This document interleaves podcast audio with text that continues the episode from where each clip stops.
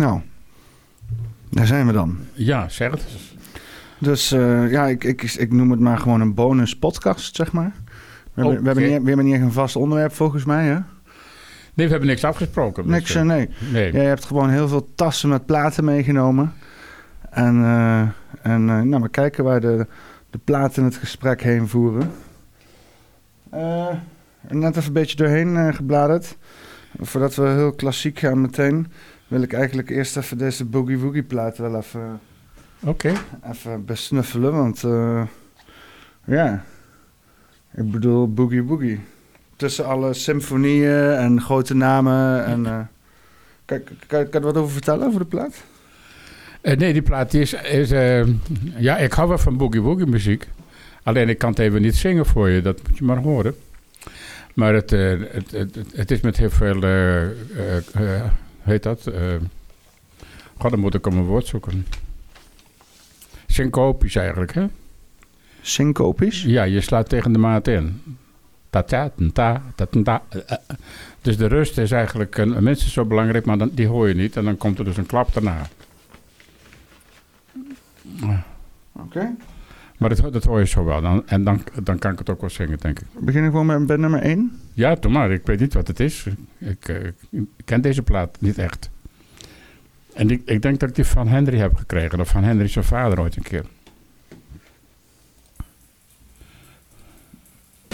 Oh ja, mijn kabels. Mijn kabels waren niet zo goed. Dat was het probleem. Daar zijn we weer. Kom op de goede snelheid. 33, dat denk ik wel. Nou, gek shit.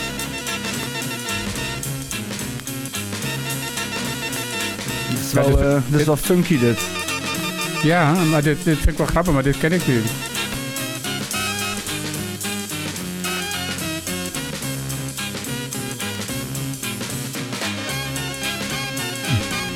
Met, eh, wat, wat, doet dit tussen jouw eh, platencollectie, eh, shirt? Ik denk dat ik hem ooit gekregen heb van iemand. En eh, wat voor een persoon geeft jou dit? Wow. Nou, kijk, Henry die kwam een keer met een hele koffer thuis van zijn vader. Die had dat afgedankt. Die zei van nou, van misschien kan Sjoerd er wel wat mee. Maar ik heb, ik heb twintig jaar lang geen grammofoon gehad. Denk je dat dit uit de collectie van Henry komt? Ja, en ik heb de... Ik heb, ik heb die platen dus nooit kunnen spelen eigenlijk. Henry, kom jezelf verantwoorden voor de Boogie Boogie. oh, maar die heeft daar ook niks mee, denk ik, want ze zijn van zijn vader. Ik ga het opspeuren. Heb jij er een probleem mee als ik hier een joint rook? Nee, ga rustig je gang. Ik rook waarschijnlijk niet mee. Nee, dat is uh, geen Want dat heb ik al twintig jaar niet gedaan. En eh, het heeft op mij op het ogenblik waarschijnlijk veel te veel invloed. Oh, jij, maar jij hebt wel eens een keer een jointje ja, gerookt. ja, ja, ja, ja. Maar ik heb alleen maar wiet gerookt hoor. Jij hebt alleen Of, maar... eh, of gerookt? hash. eh, ja, hash, ja. Wat, en ik heb wat, eigenlijk- wat, wat voor hash? Was dat Marokkaanse hash? Ja, of, in, of uit India, dat weet ik niet helemaal. In, Indiaanse hash? Ja, nou, dat is wel grappig. Mijn, eh, mijn schoonzuster, ze leeft niet meer. Die had een, een Indische vriend. Uit... eh, ik India? dacht- Ik dacht, nu- ja, uit India. En die had, prachtig, die had een hele grote tas zo. Eh, zelf genaaid. En er zaten allemaal zakjes op aan de buitenkant. En daar had hij allemaal wiet in gesmokkeld. Met het vliegtuig. Dat kon in die tijd nog, want ze leidt er niet op waarschijnlijk. Ik weet het echt niet. En met hem heb ik in, in de tuin, dat was in Oostwold Westerkwartier, hadden we een hele grote tuin van 100 bij 50 meter. We, woonden, we waren net getrouwd, we woonden in een pastorie daar. Die leeg stond en dan mochten wij erin. En eh, daar heb ik toen mijn eerste wiet gerookt. En het grappige was, mijn ervaring was daarbij. Oh, maar toen ik drie jaar was en achter op de fiets zat bij mijn moeder, toen heb ik dat ook al beleefd. Dus het was voor mij niet echt een vreemde ervaring. Oh, Oké, toen je achter op je moeders fiets zat, was je ook stand? Blijkbaar, maar van niks dus, van de natuur. Oh, gewoon van de beleving, zeg maar. Ja, Dat is eh, context high. ja. Ja. Oh, heet dat zo? Ja, oké. Ja, dat is meer En zeg ik, maar eh, met personen. en Ik zeg zag, de, ik zag ook de aura's van het gras. Prachtig. Eh, Ringen om het gras eigenlijk. Heel mooi. Eh, Heb je dat wel eens vaker dan? Of alleen maar bij Ik je moeder heb- achter op de fiets? Nee, ik heb wel die wonderlijke ervaringen. Maar dan gaat het niet echt over wat je met gas beleeft. Oké. Ik heb hier een... Oh nee, die plaat die zit er niet in. Maar ik, ja, vast wel. Dat zijn de orgelconcerten van, eh, van Handel. Hendel die gebruikte een harmonie die mij eigenlijk heel goed ligt. En ik had eh, in de, hoe heet het, in eh, de Lindenberg in, in Nijmegen hadden ze toen nog een discotheek. Heb ik een plaat geleend van een kamerkoor, een kamerorkest uit Warschau met orgel. En die speelden de orgelconcerten van, eh, van Handel. En je wil het niet geloven, de inspirerende engel die kwam bij mij in de kamer. Dat is werkelijk, toen was ik ook echt helemaal high daarvan eigenlijk. Ik heb mijn uiterste best gedaan om die plaat ook te kopen. Ik heb zelfs naar Londen gebeld van, can you offer me the record? Nou, helemaal niet, dus ik ben er niet aangekomen. Dus die, dat nummer, dat plaat die je toen beleefd hebt, Ja. die is... Die Nee, je ik kon hem bij de, bij, de, bij, de, bij de Lindenberg ook niet krijgen. Ik heb wel gevraagd, gaan jullie hem ooit een keer afdanken en kom ik dan in aanmerking. Maar dat is toen niet gebeurd. Maar zijn er maar zoveel van gemaakt dan of zo? Of? Dat zou wel kunnen, ja. Ik heb hier trouwens ook een, een, een plaat die dus echt eh, per stuk gesneden is. Van, eh, Maar hoe heet deze plaat die jij zoekt in principe? dat is een, eh, een, plaat van een kamerorkest uit Warschau met, eh, met orgel dus. Want ze spelen de orgelconcerten van, van Hendel. Ja, hoe moet je dat doen?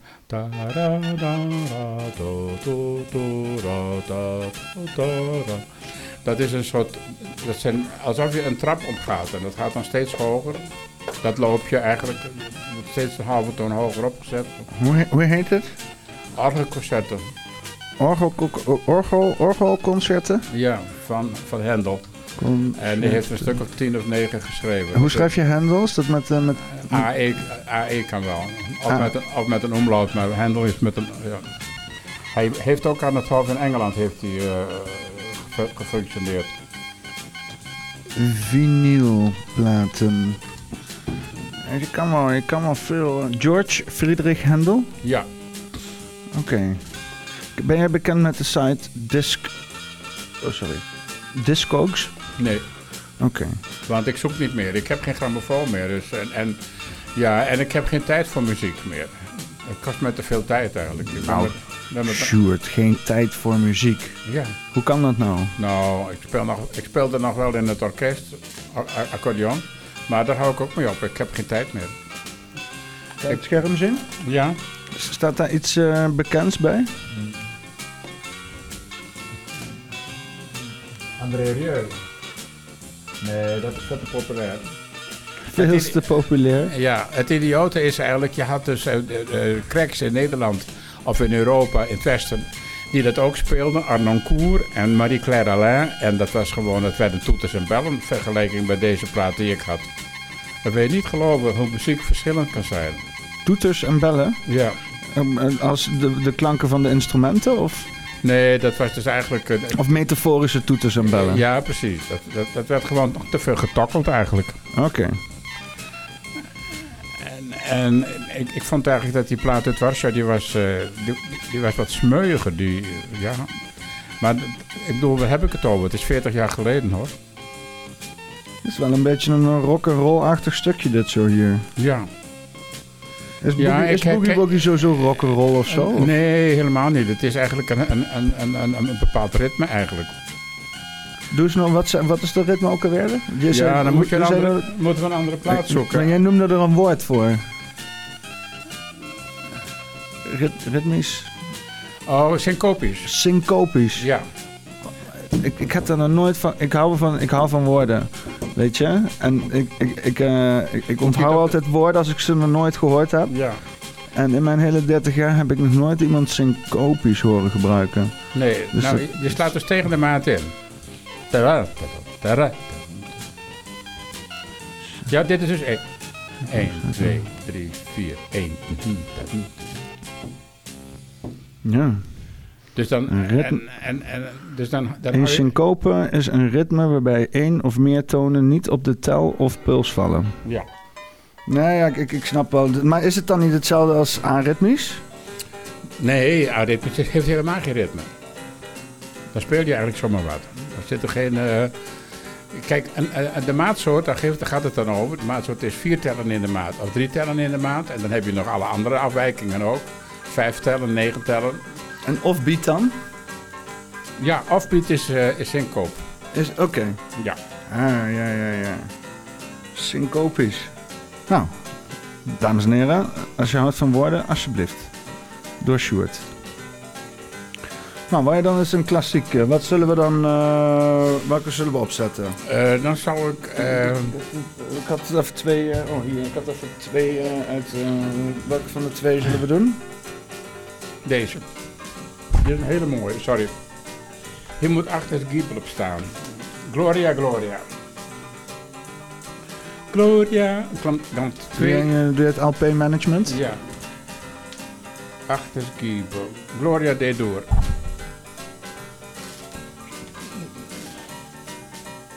Oh, deed door had je ook nog niet van gehoord, denk ik.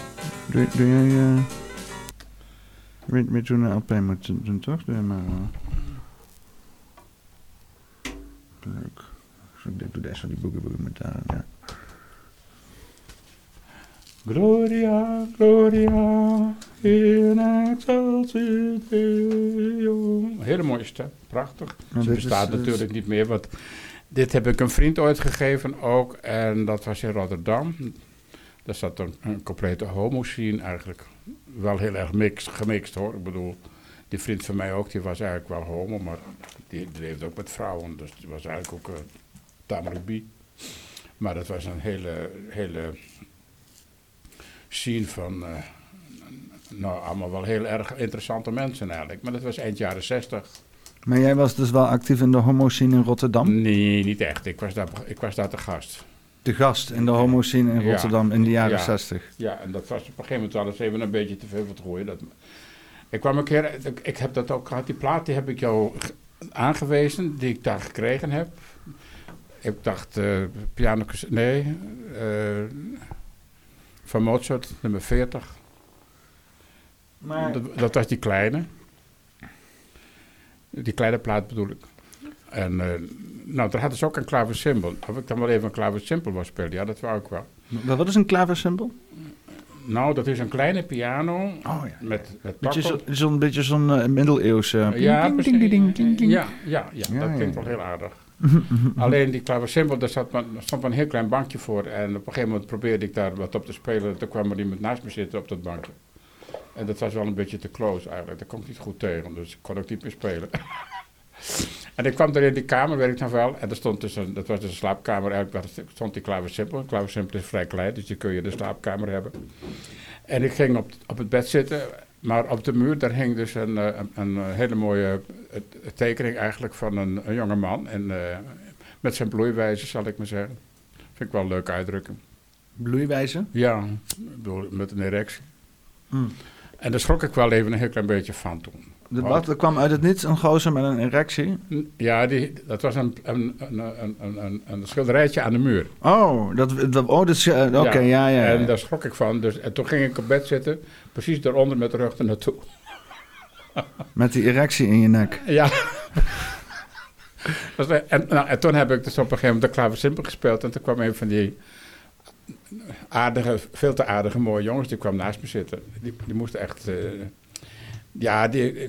Ach, dat was ook wel een hele andere wereld, moet ik zeggen. Ik, ik ga hem opzetten, maar Ja. je- je- we moeten dus denken aan, aan de gay scene van Rotterdam. Nee, deze niet. Nee, dit is... eh, ja, ik heb die plaat heb ik dus aan die vriend in Rotterdam toen wel gegeven. Dus dit is... eh, Begeleidend verhaal, gewoon begeleidend ja, verhaal dus, onder de eh, muziek. ja.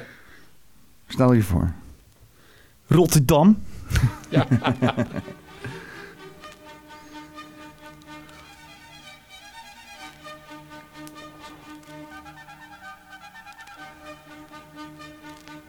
Zullen we die shit even gaan pompen dan? Is, het niet te hard voor jou? Nee, nee, nee. Heb je... De hoes die ligt hier. Dit was de Vivaldi, toch? Ja. is ook een eh, interessante hoes. Ja. Even laten zien voor, voor de mensen thuis. Moeten we open doen, want hij is dubbel.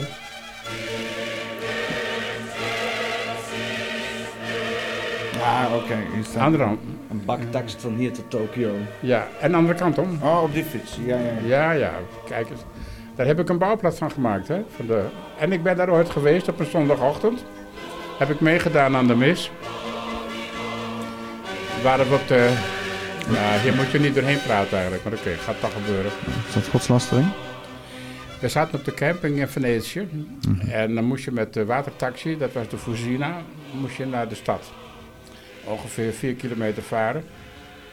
En eh, toen ben ik dus naar de San Marco geweest, naar de mis. Dat wou ik meemaken. Ik heb tenslotte theologie gestudeerd. En eh, nou, die kerk was van binnen ook prachtig. Allemaal echt helemaal goud mozaïek aan de binnenkant in die koepels. Ze waren echt gouden koepels, prachtig. En eh, toen werd er mis gecelebreerd en hij werd dus eigenlijk voorgesteld, de, de weken met wijn was dus eh, bedoeld als, als dipsausje. Je moest het ouwtje in de, en dat wou ik niet. Ik wou dus uit de beker drinken.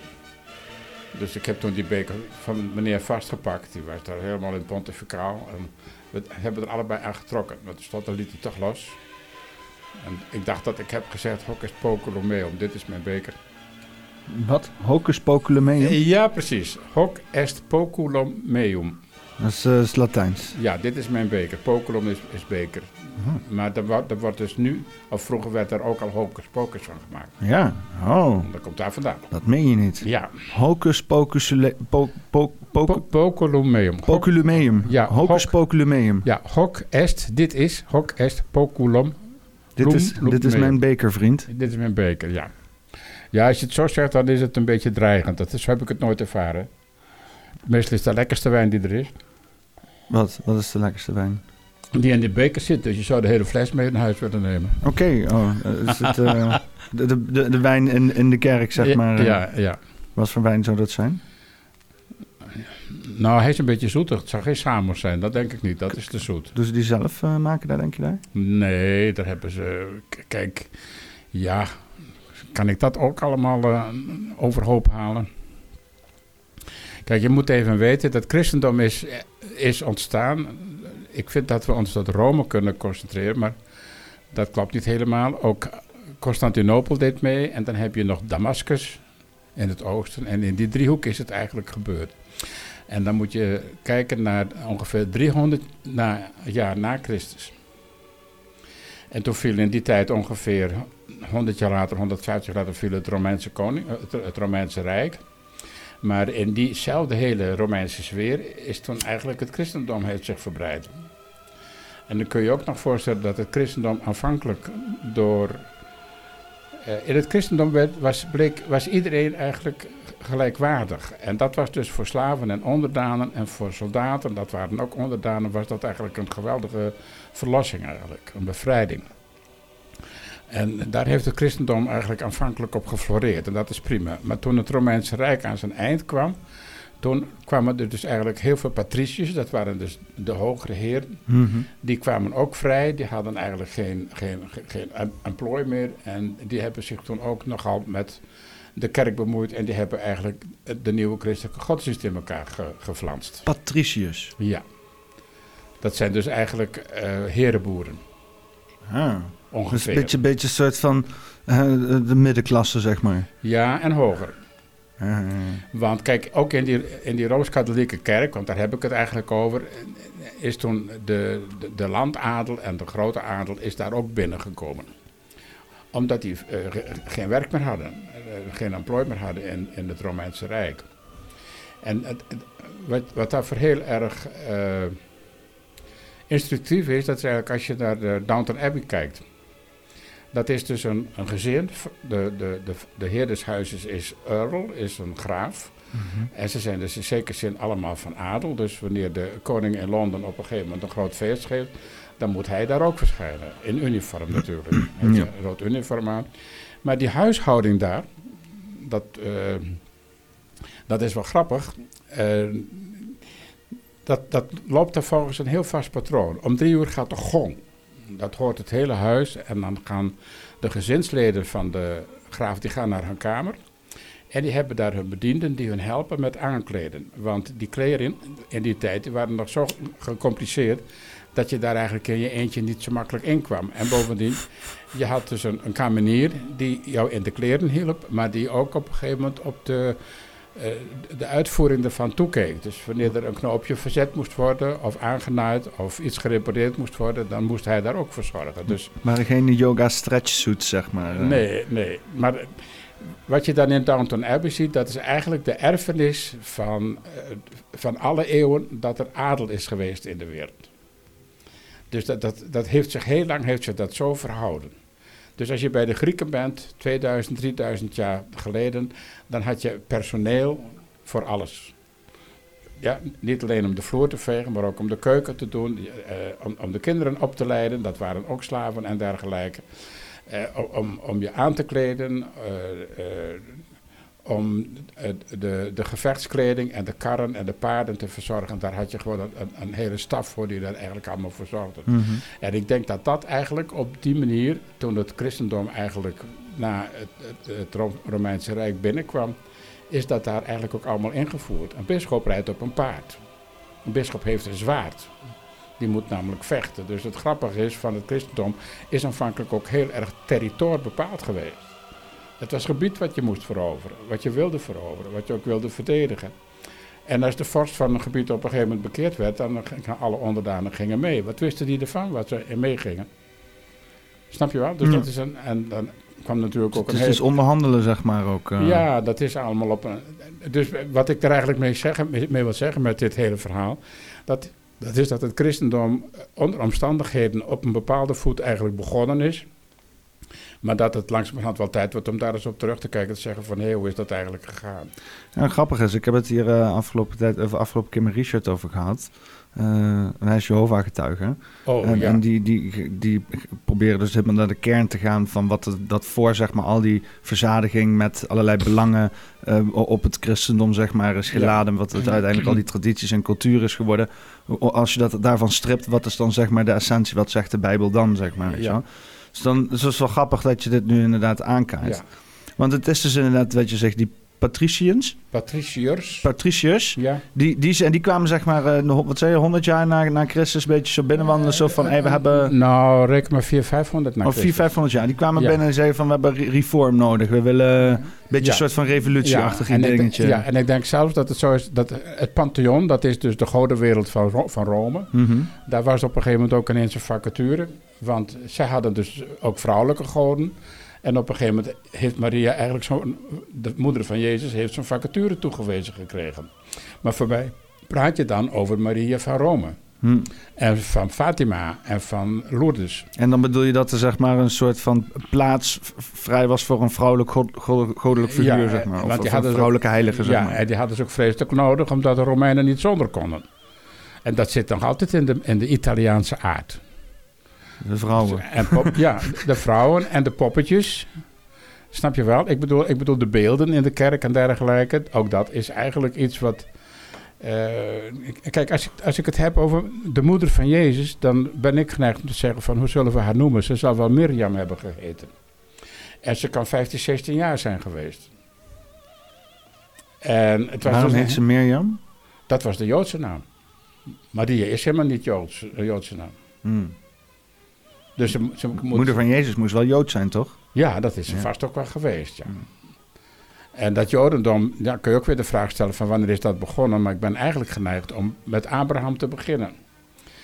En dan denk ik dat Sarah, zijn vrouw, dat zal toch wel de eerste echte Jodin zijn geweest. Die op een gegeven moment ook, is heel wonderlijk voor Abraham. Hij was dus 84. Toen kreeg hij de drie-eenigheid op bezoek. Er kwamen drie mannen in het wit. En eh, die vertelden hem eigenlijk een geheim zo van Abraham. Ik heb je ooit een belofte gedaan dat je nakroost zal heel talrijk worden. Maar je hebt nog steeds geen zoon. Ja, hij had het zal wel een zoon verwekt bij Hagar, bij, bij de dienstmaagd van zijn vrouw. En, eh, want die vrouw werd natuurlijk ook een beetje moe van dat, eh, de manier waarop Abraham vreselijk zijn best deed om kinderen te krijgen. En daarom ben ik ook geneigd te zeggen van Sarah zou wel de eerste echte Jodin zijn geweest.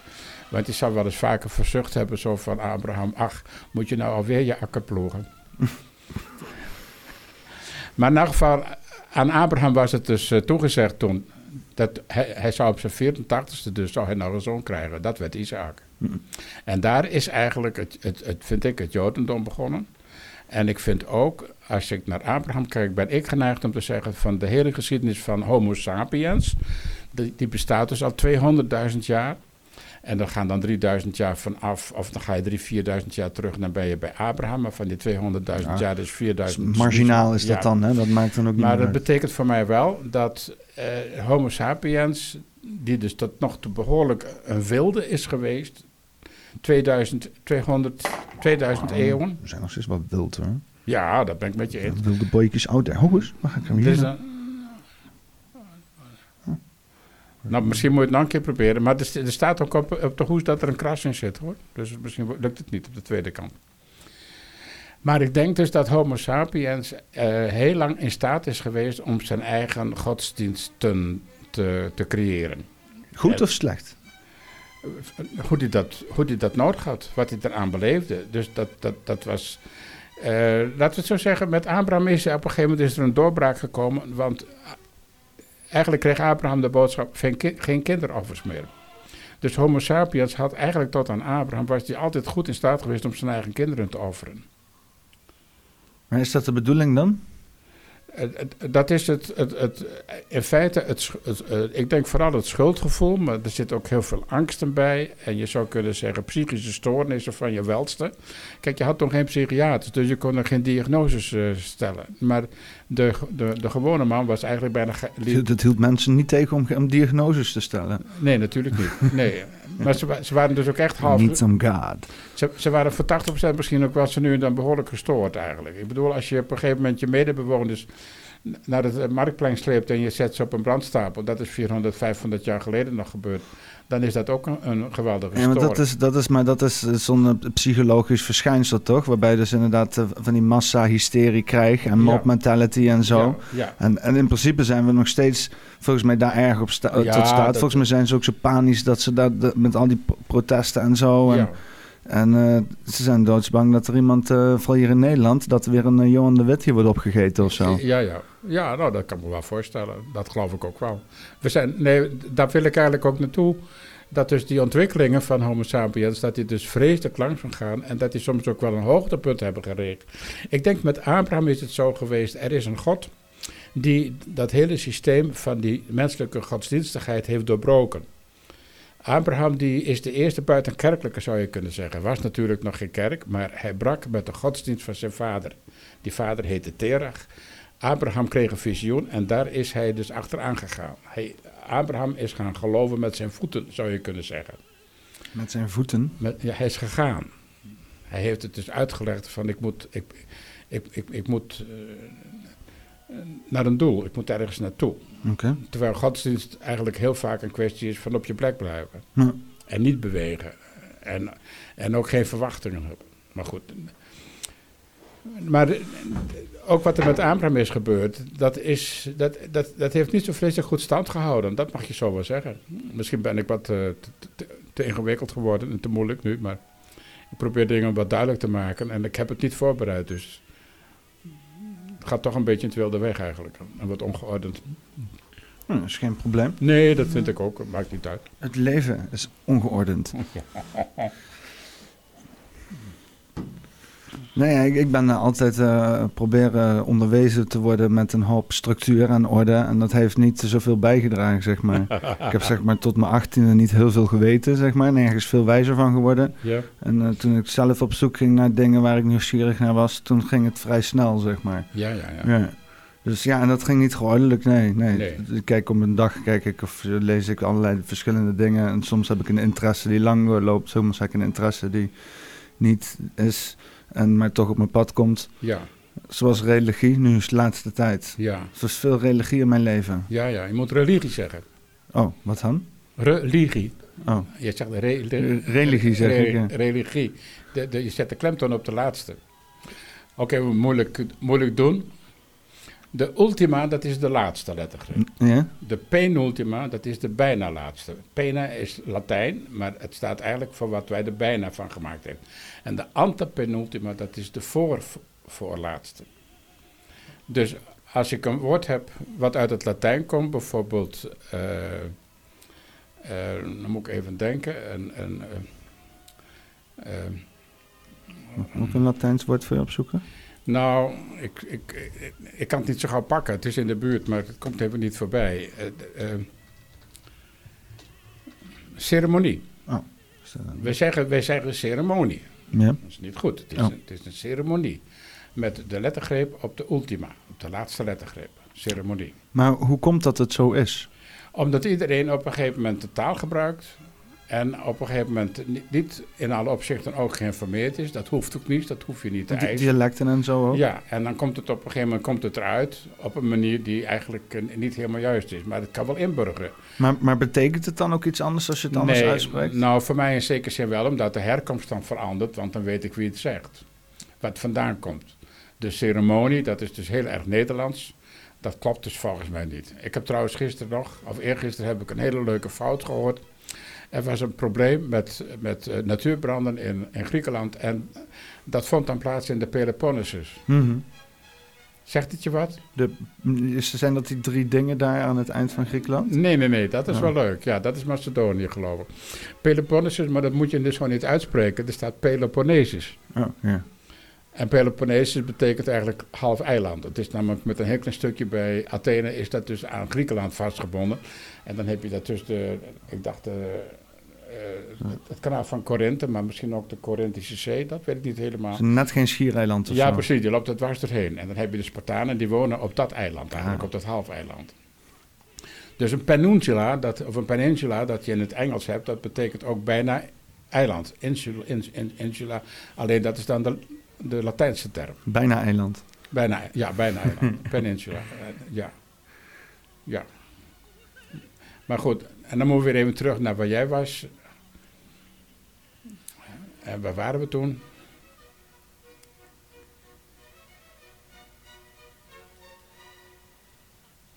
Ik weet het ook niet meer. Nee. Nee. We, we hadden het over lettergrepen. Oh ja, en... en Ja, wat oh, ik me afvroeg inderdaad, van wie, wie zet dan die president? Is dat dan een soort van instituut of organisatie? Of, Nou, dat vind ik niet. Ik vind, kijk, de Latijnse grammatica heeft zo zijn regels. Ook de regels voor het accent. maar dan kan je dus zeg maar kiezen om zeg maar de Latijnse grammatica te volgen... of gewoon, weet ik veel, een of ander boerdialect aan te houden of ja, whatever. bijvoorbeeld, ja. Dus dat vind ik wel grappig. Kijk, er zaten vroeger in de Tweede Kamer heel veel mensen met een, een gymnasiale achtergrond. Die hadden dus Latijn en Grieks gehad. Dat kon je aan zo horen. Dat is vandaag de dag al veel minder. Er is heel weinig eh, ervaringskennis in de, in de Tweede Kamer. Vooral als je er heel lang zit en je bent een oude man of een oude vrouw, dan zul je wel heel veel kennis hebben. Maar die gymnasiasten kom je daar eigenlijk niet meer tegen. Hm. En dat betekent dus dat mensen met een veel kortere, veel oppervlakkiger eh, eh, opleiding eh, eigenlijk daar de taal bepalen. En dat, dat, dat, is, dat is dus een andere taal geworden dan je 30, 40, 50 jaar geleden had. Ik ben voor het eerst in de Tweede Kamer geweest, toen was Marga Krompé was daar aan het woord. Mhm. En dan weet ik ook wel dat je, je kunt het niet meer willen zoals het vroeger was, maar het verschil van de taal eh, vanuit een, een, een Latijnse, Griekse achtergrond benaderen, want dan gaat het bijvoorbeeld ook over wat de oorsprong is van betekenissen. Als je mij een moeilijk woord geeft, dan kan ik dat terugvertalen naar het Griekse en naar het Latijn. Het idiote is vandaag de dag bijvoorbeeld met die, die hele nieuwe eh, taalontwikkeling rond het internet. Dat zijn allemaal nerds die op een gegeven moment niks met Latijn en Grieks hebben, dat kun je zo merken. En die grijpen maar een woord uit de lucht. En dat heeft voor mij dus geen wortels. Dat kan ik ook niet onthouden. Daar heb ik ook eigenlijk, voel ik een weerstand bij. Dus ik, ik heb moeite om de, de ik zeggen, om, om, om die woorden die ze zomaar uit de lucht plukken, alsof het koek, koekhappen is, om, om, om die te, mij te herinneren. Ze hebben geen verbinding.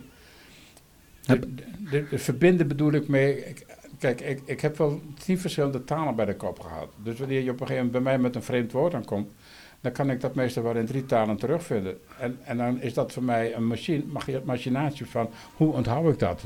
Niet zo moeilijk, gaat zomaar. Heb jij wel eens eh, de Tweede Kamer de laatste tijd eh, gevolgd, de afgelopen vijf jaar?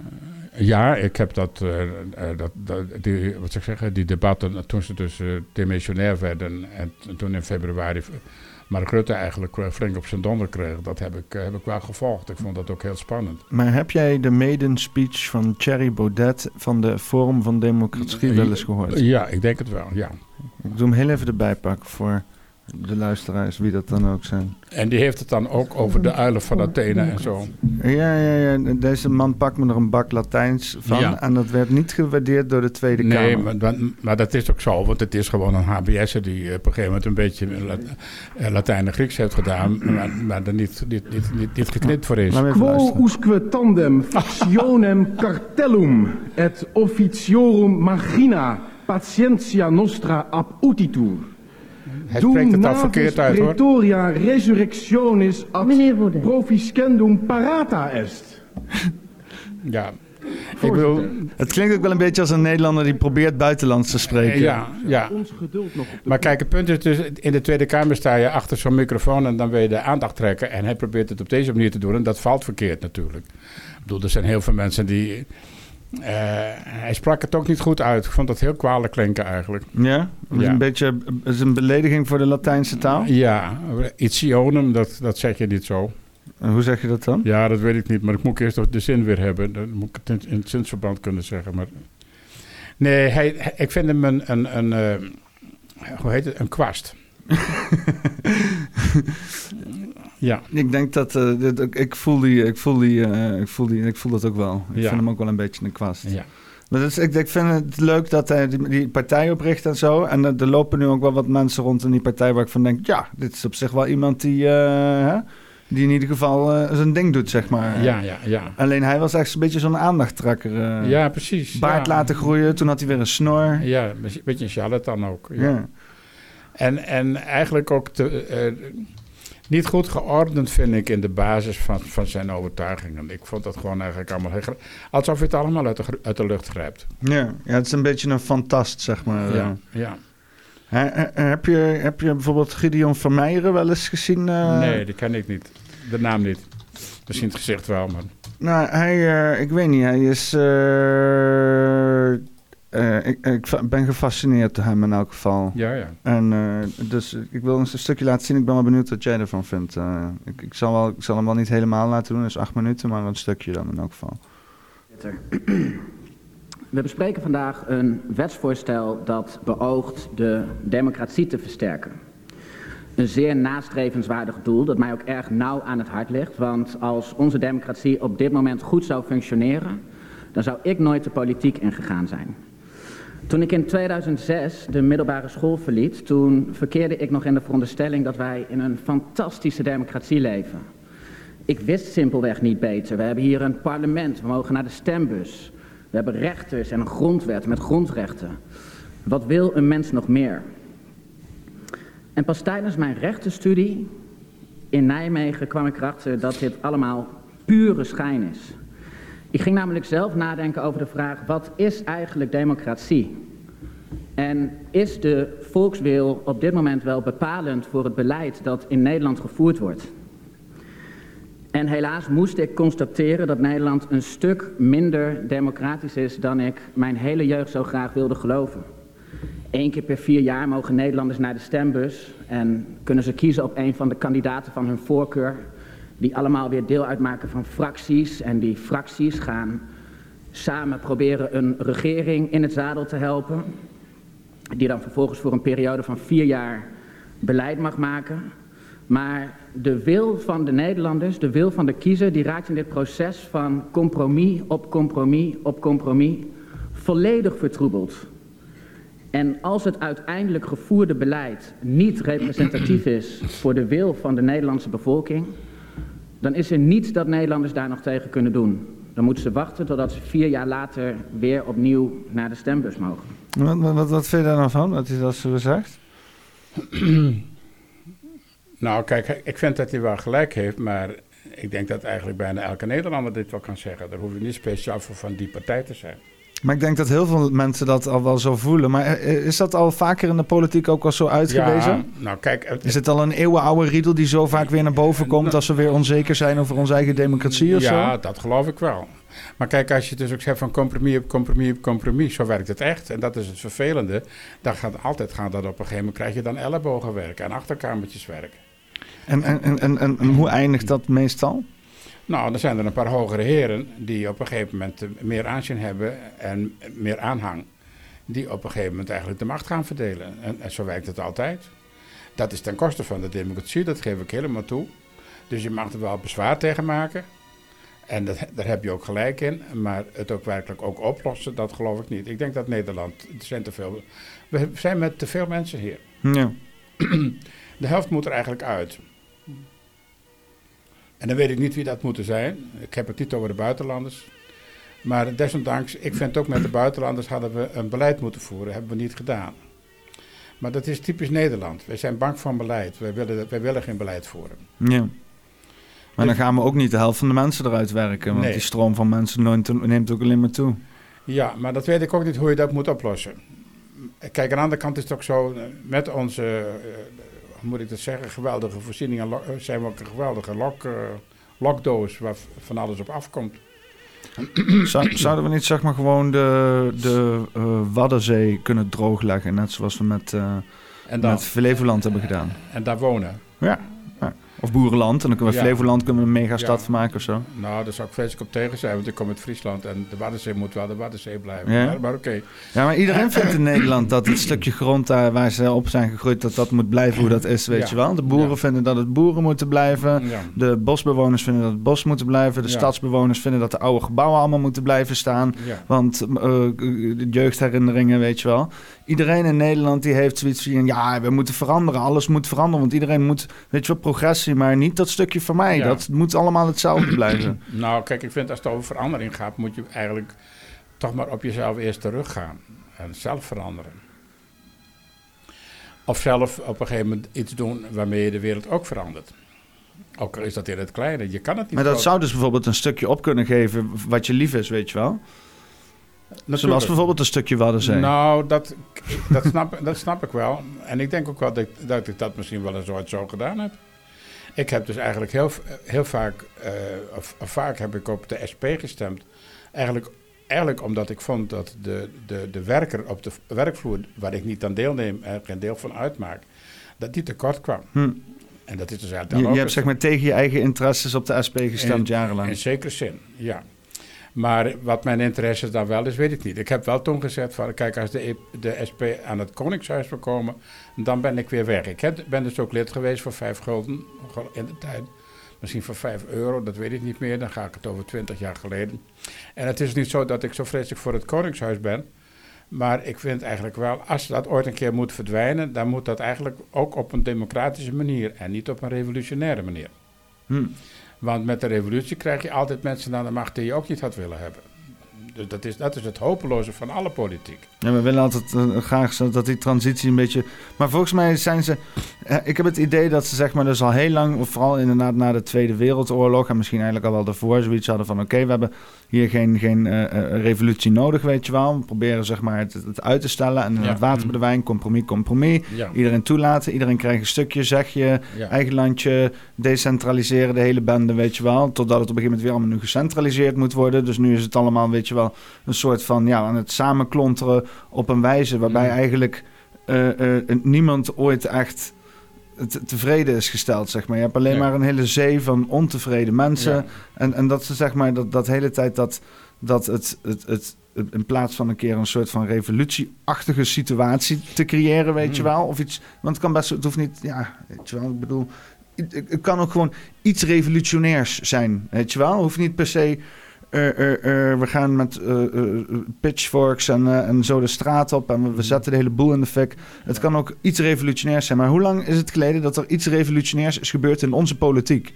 Ja, dat Pim Fortuyn is neergeschoten. Nou, dat is niet de, de juiste soort revolutionaire dingen die je wil hebben, zeg maar. Nee. Nou, bijvoorbeeld, we zijn toch wel voorop gegaan met het homohuwelijk.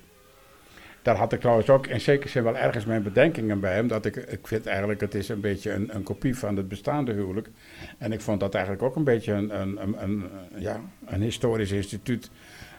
eh, eh, Wat je niet helemaal hoeft te kopiëren. En dat hebben de homo's dus eigenlijk wel gedaan. Ik zou veel meer willen kiezen voor een levensver- levensverbinding.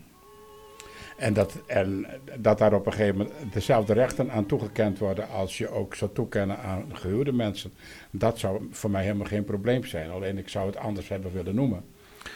Ja, maar- En, en, en ook die romantiek daaromheen. Ik, bedoel, als bruid en bruidegom op een gegeven moment als homostel naar voren komen, dan zei ik ook van.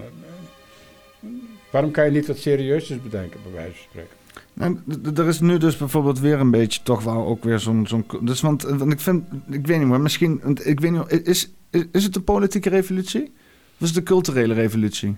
Nou, Of een maatschappelijke revolutie? eh, ik denk dat je het zo moet zien. het loopt behoorlijk vast allemaal. En dat is nodig.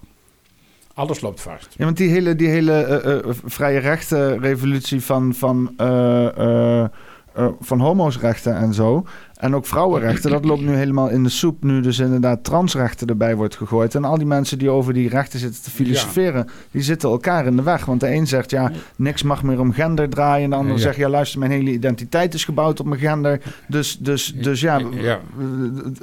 Dat is een heel ingewikkeld verhaal. Wil ik ook wel wat over zeggen, maar dan zijn we ook nog even niet klaar. Nou, we kunnen even een nieuw plaatje opzetten. En ik Ja, moet heel even een lampen uitdoen, want ik zie dat ik zwaar overbelicht ben. Krijg je als je gaat opnemen tijdens zonsondergang. Zat hier nog een plaat in? Of, eh of hoorde Ik denk daar? het wel, ja. Doe, doe- doe jij maar heel even plaatmanagement. Dan ga ik heel even Ja. lichtmanagement doen. En ik mag ondertussen eventueel wat neurien of misschien een verhaaltje vertellen. Nou, kijk, ik vind dat hele LBTI-toestand, daar is ook iets mee aan de hand. En dat gaat niet goed, want het is eigenlijk, het, het komt in handen of in de monden van activisten die op een gegeven moment belangen hebben. Politiek is belangen, niks anders dan dat. Dus dat is het, het langste stukje touw waar je aan wilt trekken. En kijk, van de homo's heb ik begrepen. ehm, die hadden vroeger, en dan heb ik het over mijn jeugd, na de Tweede Wereldoorlog. Die hadden eigenlijk geen andere keuze in die tijd dan naar de grote stad te trekken. Dus die gingen naar Amsterdam, naar Rotterdam en nou ja, andere grote steden in Nederland. Maar ik kom uit een provinciestad in, in Sneek. Uit Sneek. En, eh, en daar had je dus geen, geen COC. En die, die homo's die ontdekten ook dat ze in die grote stad sterker waren en dat ze dus aan hun belangen konden trekken en aan emancipatie konden doen. Maar je moet je ook nog realiseren dat nu we het hebben over LHBTI, trekken, worden ook de bi-mensen worden erbij getrokken. Alsof die ook een onderdeel van het probleem zijn. En dat vind ik eigenlijk, dat zijn ze nooit geweest.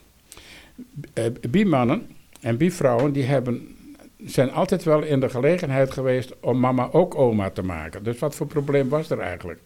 En dan kun je ook nog de vraag stellen van hoe bi is eigenlijk iedereen eigenlijk van nature eigenlijk altijd al geweest. In 1973, 74 werd er gewoon algemeen geroepen en dat kon je toen nog roepen en dat werd toen ook geaccepteerd zou je bijna kunnen zeggen. Iedereen is eigenlijk wel meer of minder bi. En dat denk ik, dat ik denk ook dat dat zo is. Maar dan moet je er niet een probleemgroep van maken, zoals je nu bij de LHBTI er ook bij getrokken zijn. Want die homo's, die de echte bi-mensen, hebben ook nooit de behoefte gehad om zich te emanciperen. Om, zich, eh, eh, om er vreselijk voor uit te komen van wij zijn bi, want we moeten erkend worden. Dat moesten de homo's wel, maar de bi-mensen juist niet. Ja, het is stom, want daar heb je mensen die zeg maar echt iets specifieks proberen te definiëren. Ja, En nu probeer zeggen mensen van, ja, nee, maak alles maar ondefinieerbaar. ja. Ja, dat is ook. Of aan de andere kant, die, die bi-mensen moeten ook maar uit de kast komen. Ik kan me voorstellen dat dat op het ogenblik een, een trend is. En dat zou ik dan eigenlijk willen wijten aan de vrouwenemancipatie. Want de vrouwen willen blijkbaar hom of kuit. Die willen wel met een kerel trouwen, maar ze willen van tevoren wel weten of wie ook bi is. Terwijl je eigenlijk ervan uit moet gaan. Iedereen zal dat van nature ongeveer wel zijn. Wa- Wacht even, dat, dat, willen ze van tevoren weten van, oh, zou jij misschien wel op mannen kunnen vallen of niet? Ja, bijvoorbeeld. Ja. Nou, en dan Maar krijg- wat, wat, wat, wat vind je van monogamie dan bijvoorbeeld? nou, ik ben van nature heb ik een, een behoorlijk monogame instelling. Ik ben getrouwd geweest 22 jaar. Je bent een Ik, zwaan. eh, hè? Je bent een zwaan. Oh, dat zou kunnen. Wat, wat bedoel je daarmee? Maar Die zijn monogaam, toch? Oh, die zijn, oh ja. Nou, nee, mijn instelling is wel monogaam. Dat, eh, ik, ik, ja, ik, eh, ik, ik heb ook niet echt iets buiten mijn huwelijk met andere vrouwen gehad. Maar dat komt ook omdat ik dus een bi-instelling heb. Dus mijn voorkeur en de afwisseling wat het huwelijk betrof... was natuurlijk dat ik op een gegeven moment wel iets met mannen hier en daar had. Maar je bent dus zeg maar gewoon, je startte als zeg maar met iemand vol overtuiging van, oh, monogamie, dat is, dat is relaxed. Maar naarmate je ouder werd, werd dat minder. Nou, dat, ik was een half jaar getrouwd, dan was ik al bij een vriend geweest en mee naar bed geweest. En daar hebben we ook toestand over gehad. Kijk, in die tijd vond ik wel, werd er in die zin wel open over gesproken, maar bij mij is het ook zo geweest. Toen ik op een gegeven moment eh, een, eh, ging trouwen en eh, iemand gevonden had met wie ik ook zou willen trouwen. Toen kwam op een gegeven moment wel ook de, de vraag boven van... zou je dan kunnen stoppen met je, met je homokant? Dat heb ik dus wel geprobeerd, maar na een half jaar was het al, was het al afgelopen. Hm. Dat, heb ik, dat is niet gelukt. We hebben toen ook toestanden gehad. Mijn vrouw is er heel ver in meegegaan. Die heeft dat op een gegeven moment. Want ik heb eerst gezegd van nou dan doe ik dat niet meer. Want dat wordt wel echt een probleem. Maar dat is het vooral het probleem van de, vind ik, van de vrouwen. Ik heb heel veel bimannen ben ik tegengekomen.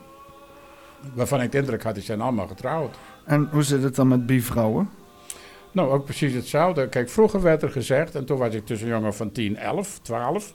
Vrouwen doen het eigenlijk veel makkelijker met elkaar. Ik heb hier, uh, hoe heet ze ook alweer, uh, Elise Kuiper gehad. Die is ook bij jou geweest. Die hier dus uh, interviews afneemt van mensen van het Gelderse plein. Geen achternamen, Sjoerd. Nee, sorry, ik kan er nog uit dan. Ja, ik, ik, knip, ik piep het er wel uit. Ja, ja, oké. Okay. Maar, maar na, er was die de documentaire hier maakte. Ja, precies. Ja. ja. En wat wou ik daarover zeggen? Dan ben ik het even kwijt natuurlijk. Is ze bi? Is ze lesbisch? Nee, daar ging, het niet, daar ging het even niet om. Nee, die oh. indruk heb ik niet. Nee. God, het, ja, kijk, dan komt dat ertussen, zo'n opmerking. En dan ben ik even ook de draad kwijt. Oh, sorry, heb ik je uit je, nee, uit je, uit je riedel gehaald. Daar moet je niet, uh, niet, geen excuses voor aanbieden. Maar zo werkt het altijd. Ja. Als de aandacht op een gegeven moment wordt weggepikt, dan ben je dat kwijt. Ik heb dat... Ik ga soms ook, uh, ander verhaal, ga ik niet volledig complete deur uit, omdat er weer wat tussen kwam. Bijvoorbeeld een telefoontje, word ik afgeleid en dan ben ik... Heb je dingen klaarstaan bij de deur en zo? Ja, en dan kom ik in de winkel en heb ik toch mijn boodschappenlijstje niet meegenomen. Moet ik het weer opnieuw bedenken en dat niet altijd lukt. Oh. En de winkel werkt er ook nog op, omdat ze de dingen op een gegeven moment allemaal op een andere plek neerzetten. Dus het wordt een zoektocht in de winkel en dan kom je altijd met andere dingen thuis die je had willen bestellen. Maar nou weer terug naar wat ik over het Gelderse plein eigenlijk. Of dat moet je ook niet zeggen. Oké, okay, maar wat had ik daarover willen zeggen? Jeetje. Ik weet niet meer hoe ik erbij kwam. Nou, we, praten, we praten over genders. En, ja. Uh, en, uh, en ja, ik wou nog wat meer vragen stellen over woke dingen trouwens. Want dat is nu helemaal de hippe, oh, de hippe woke. dingen. Ja, dat is wel grappig. Wokeness. Ja. Mensen die dus inderdaad uh, ja, echt progressie tot de next level brengen. En dat is gewoon zo, zo, zo tolerant en progressief als mogelijk als het kan zijn. Alle structuur weg, alle ja. tradities weg, alles loslaten. We kennen, liever moeten we allemaal een soort van genderloze moes worden die, die, die we allemaal, waar we allemaal zacht tegen elkaar aanwrijven en elkaar niet meer beledigen en zo. En we moeten elkaar aanspreken op, op en aannemen dat we elkaars gevoelens in acht nemen als we elkaar aanspreken en zo dat soort dingen. Nou, daar geloof ik niks van en daar ga ik ook niet in mee. En ik denk eigenlijk dat die mensen eigenlijk verkapte uh, uh, activisten zijn. Ja, ja, zoals jij dat, ik hoorde je dat inderdaad zeggen toen ik een drankje even snel aan het halen was. Uh, want het is wel inderdaad dat die activisten op een gegeven moment zo'n ideologie overnemen, zeg Ja. maar. Maar wat, wat, wat, want zegt Woke jou iets? Heel weinig persoonlijk. Ja, Ik weet want wel, ik, naar mijn idee is het iets van de laatste jaren, zeg Ja, maar. Wat inderdaad Ja, vooral rondom het hele, hele racisme gebeuren werd gebruikt en zo. En dat nu inderdaad echt is, is toepasbaar gemaakt op, op alles, zeg maar. nou ja, Kijk- kijk, je moet het zo zien. Ik heb theologie gestudeerd, maar ik heb ook een bijvak sociale psychologie gedaan. En het grappige is dat als je op een gegeven moment kijkt naar de praktijk van godsdiensten, dan is dat eigenlijk een apart hoofdstuk van de sociale psychologie. Van hoe gaan groepen op een gegeven moment om met hun overtuigingen. Ja, want activisten en, zo, dat is, dat, is dat een, een pro- maatschappelijk probleem? Of zijn die nodig? Nee, dat, vind ik, dat weet ik niet. Voor mij zijn ze niet nodig. Maar dat ze, dat ze, dat ze er zijn, dat, eh, ja, dat- Is het onvermijdelijk, zeg maar? Je, hebt altijd, je zal altijd activisten hebben. ja, er zijn altijd uit, eh, eh, uithoeken van mening. Maar is, is activisme om bijvoorbeeld bepaalde dingen bloot te leggen niet, niet per se... Want komt er wel eens iets goeds uit activisme? Want Greenpeace is uiteindelijk ook niet meer wat het geweest is. Nee. Nou, kijk, ja, goh, kijk, ik zou teruggaan voor mijn idee naar de Franse Revolutie. Daar heb je op een gegeven moment vreselijk voor zichzelf overtuigde revolutionisten, bij wijze van spreken, die het toch maar voor elkaar krijgen dat de hele Franse maatschappij op een gegeven moment over de kop gaat. Ja. Eh, niet dat ik dat in alle, alle opzichten aanprijs. Eh, ik bedoel, in feite, ze hebben wel de koning vermoord. Dat had ook op een andere manier gekund, bij wijze van spreken. Dat, eh, ik ben op, trouwens in Parijs, ik ben op uh, Picpus geweest. Dat is de begraafplaats van de, waar de slachtoffers van de guillotine liggen. Ja. Want sommige mensen zeggen ook dat dan zeg maar de, de, de, de Franse revolutie zeg maar eh, ja, dan helemaal vermomd was als het volk staat op tegen de, tegen de koning, weet je wel. En Ja. eindelijk eh, eh, zijn we onder die juk, onder die tirannie van, Ja. van, van de adel weg, weet je wel. En dan vervolgens krijg je een stelletje eh, elitaire burgerij die op een gegeven moment ja, eigenlijk gewoon de, de nieuwe... Ja, in principe ni- niks anders dan wat er gebeurt met dictatuurtjes in het Midden-Oosten, weet je wel. Eén gaat weg, de ander komt terug. Ja, Dat was ook de Franse revolutie. ja. Want nu heb je ook gewoon een hele hoop elites en zo. Dat is ook waar die Duitsers toch tegen vochten, tegen al die Franse elites en zo. Ja. En dan heb je in Rusland heb je dat ook nog een keer natuurlijk. En het punt is gewoon... De simpele man, de gewone man, de werker die op een gegeven moment 's morgens om vijf uur uit bed moet. En, eh en s'avonds eh om, om, om, om, om zes uur weer binnenkomt. Dan heb ik het over 150 jaar geleden bij wijze van spreken. Of s'avonds om acht uur van zijn werk kwam, 's morgens om zes uur de deur uit. Dat waren zulke simpele mensen, die kon je dus alles op hun, op hun mouw spelden. En zo, en zo gaat het ook met die activisten. Maar welke elites zouden achter deze activisten zitten? Want ze maken het wel erg verwarrend zo. Het is niet meer zo van we zijn tegen die mensen. Het is zo van. Het, lijkt, het lijkt alleen maar. Het lijkt alleen maar. Het, in ieder geval, het zaait in ieder geval alleen maar verwarring. Dat kan ik je wel zeggen. ja, dat Iedereen heeft ook. zoiets van, ja, of de mensen aan de kant die voor dat activisme zijn, die zeggen Ja. van, ik ben ervoor, ik weet niet waarom, maar ik ben ervoor. En de mensen die tegen zijn zeggen, ik ben er fel op tegen, maar ik, ik, ik weet ook niet precies waarom. Maar, Het is maar- allemaal belachelijk. Maar het, be- het, het, beklijft niet. Ik heb daar dus in die zin wel vertrouwen in van dat, eh, dat gaat ook ooit een keer weer uit als een nachtkaars. Maar Ja, het, is wel, het, het, is nog wel veel in Amerika gaande, zeg maar. Ja. Maar Amerika is een heel raar land. Eh, Amerika is eigenlijk een, een, een super confessio- confessioneel land. Een confessie is een beleidenis. Ik geloof dit. Ja, ze zijn tegenover van progressief, zeg maar. Ja, vaak is het ook. Ja, dat is ook zo. Het is, het is nogal beheersend. Ja. En dat, Daarom zijn ze weggegaan, toch? Om conventioneel te blijven. Ja, Dat is wel vreemd eigenlijk. ja, precies. Ja. Eh, en ook, ook Dat is tegenstrijdig in, in context Ja, al zelf. En ook maar. dat christendom van Amerika, dat is in principe is dat, is dat, dat loopt gewoon 100 jaar achter. Ja. Dat gaat nog altijd met eh, in termen van, eh, van overtuigingen die de mensen vroeger in een dorp ook hadden, bij wijze van spreken. Ja, En, en dus elkaar eigenlijk voortdurend te maat nemen. ja. En, en dat vind ik dus eigenlijk van Amerika. En, maar hier in Europa of in Nederland, want wij lopen misschien als Nederlanders ook nog wel soms een beetje voorop, maar het is hier ook volkomen een grijze soep geworden. Je weet niet meer precies wie nou eigenlijk op het voortouw hebben en wat nou de ware elite is, want daar zou je het ook nog over kunnen hebben. Kijk, er zijn verschillende elites. Er is een elite die op een gegeven moment in de buurt van de macht is en die kan grijpen, of dat, dat eigenlijk wel wil. En er zijn ook altijd nog elites die op een gegeven moment die zich eigenlijk stilhouden. ja. Gewoon de, ja, de, Die- stille elite. Ja. En maar zullen, hebben die evenveel macht, zeg maar? Want ja, ja, ik heb sowieso het idee dat die mensen die je zien met nu Ja. biljoenen en zo... dat daarachter nog een hele dikke laag schuilt van mensen die, eh, waar je nooit van hoort. Of lijkt dat alleen maar zo? Want je loopt natuurlijk een hoop mythes te, te projecteren op dingen die je niet ziet, zeg maar. de moeilijkheid is, ze krijgen mensen mee. Die, die lopen achter hen aan. En die hoeven het niet... eh, Kijk, eh, Baudet die maakt op een gegeven moment indruk met een, eh, met een Latijnse tekst. Die die heel lullig uitspreekt, bij wijze van spreken. En, oh, dat is geleerd. Nou, ik heb niks met geleerdheid. Ik heb ook gestudeerd, maar ik vind eigenlijk... je moet vreselijk op je tellen passen met wat je eigenlijk allemaal... Ja, hij quote Je- veel boeken, zeg maar. hij kan goed boeken quoten, Te- Thierry Baudet. Ik Ja. heb hem een keer in een debat gezien, een paar keer. En Ja. dan aan tafel met dan iemand die dan ook eh, zogenaamd geleerd moet zijn. Maar ja, uiteindelijk is het... Wat je op tv ziet tegenwoordig zijn maar titeltjes. Mensen met titeltjes die daar zitten. En dan, eh, de- de- de- als ze een leuk titeltje hebben en het juiste eh, willen zeggen, zeg maar, op tv, dan, dan gaan ze daar zitten. Nou ja, had Ja. iemand die wel, die wel tegen Jerry Baudet in wil gaan. En dat Ja. was ook gewoon zijn doel, daarom tegen hem in te gaan. Ja, natuurlijk. Ja. En, maar ja, ja, hij quote boeken dan.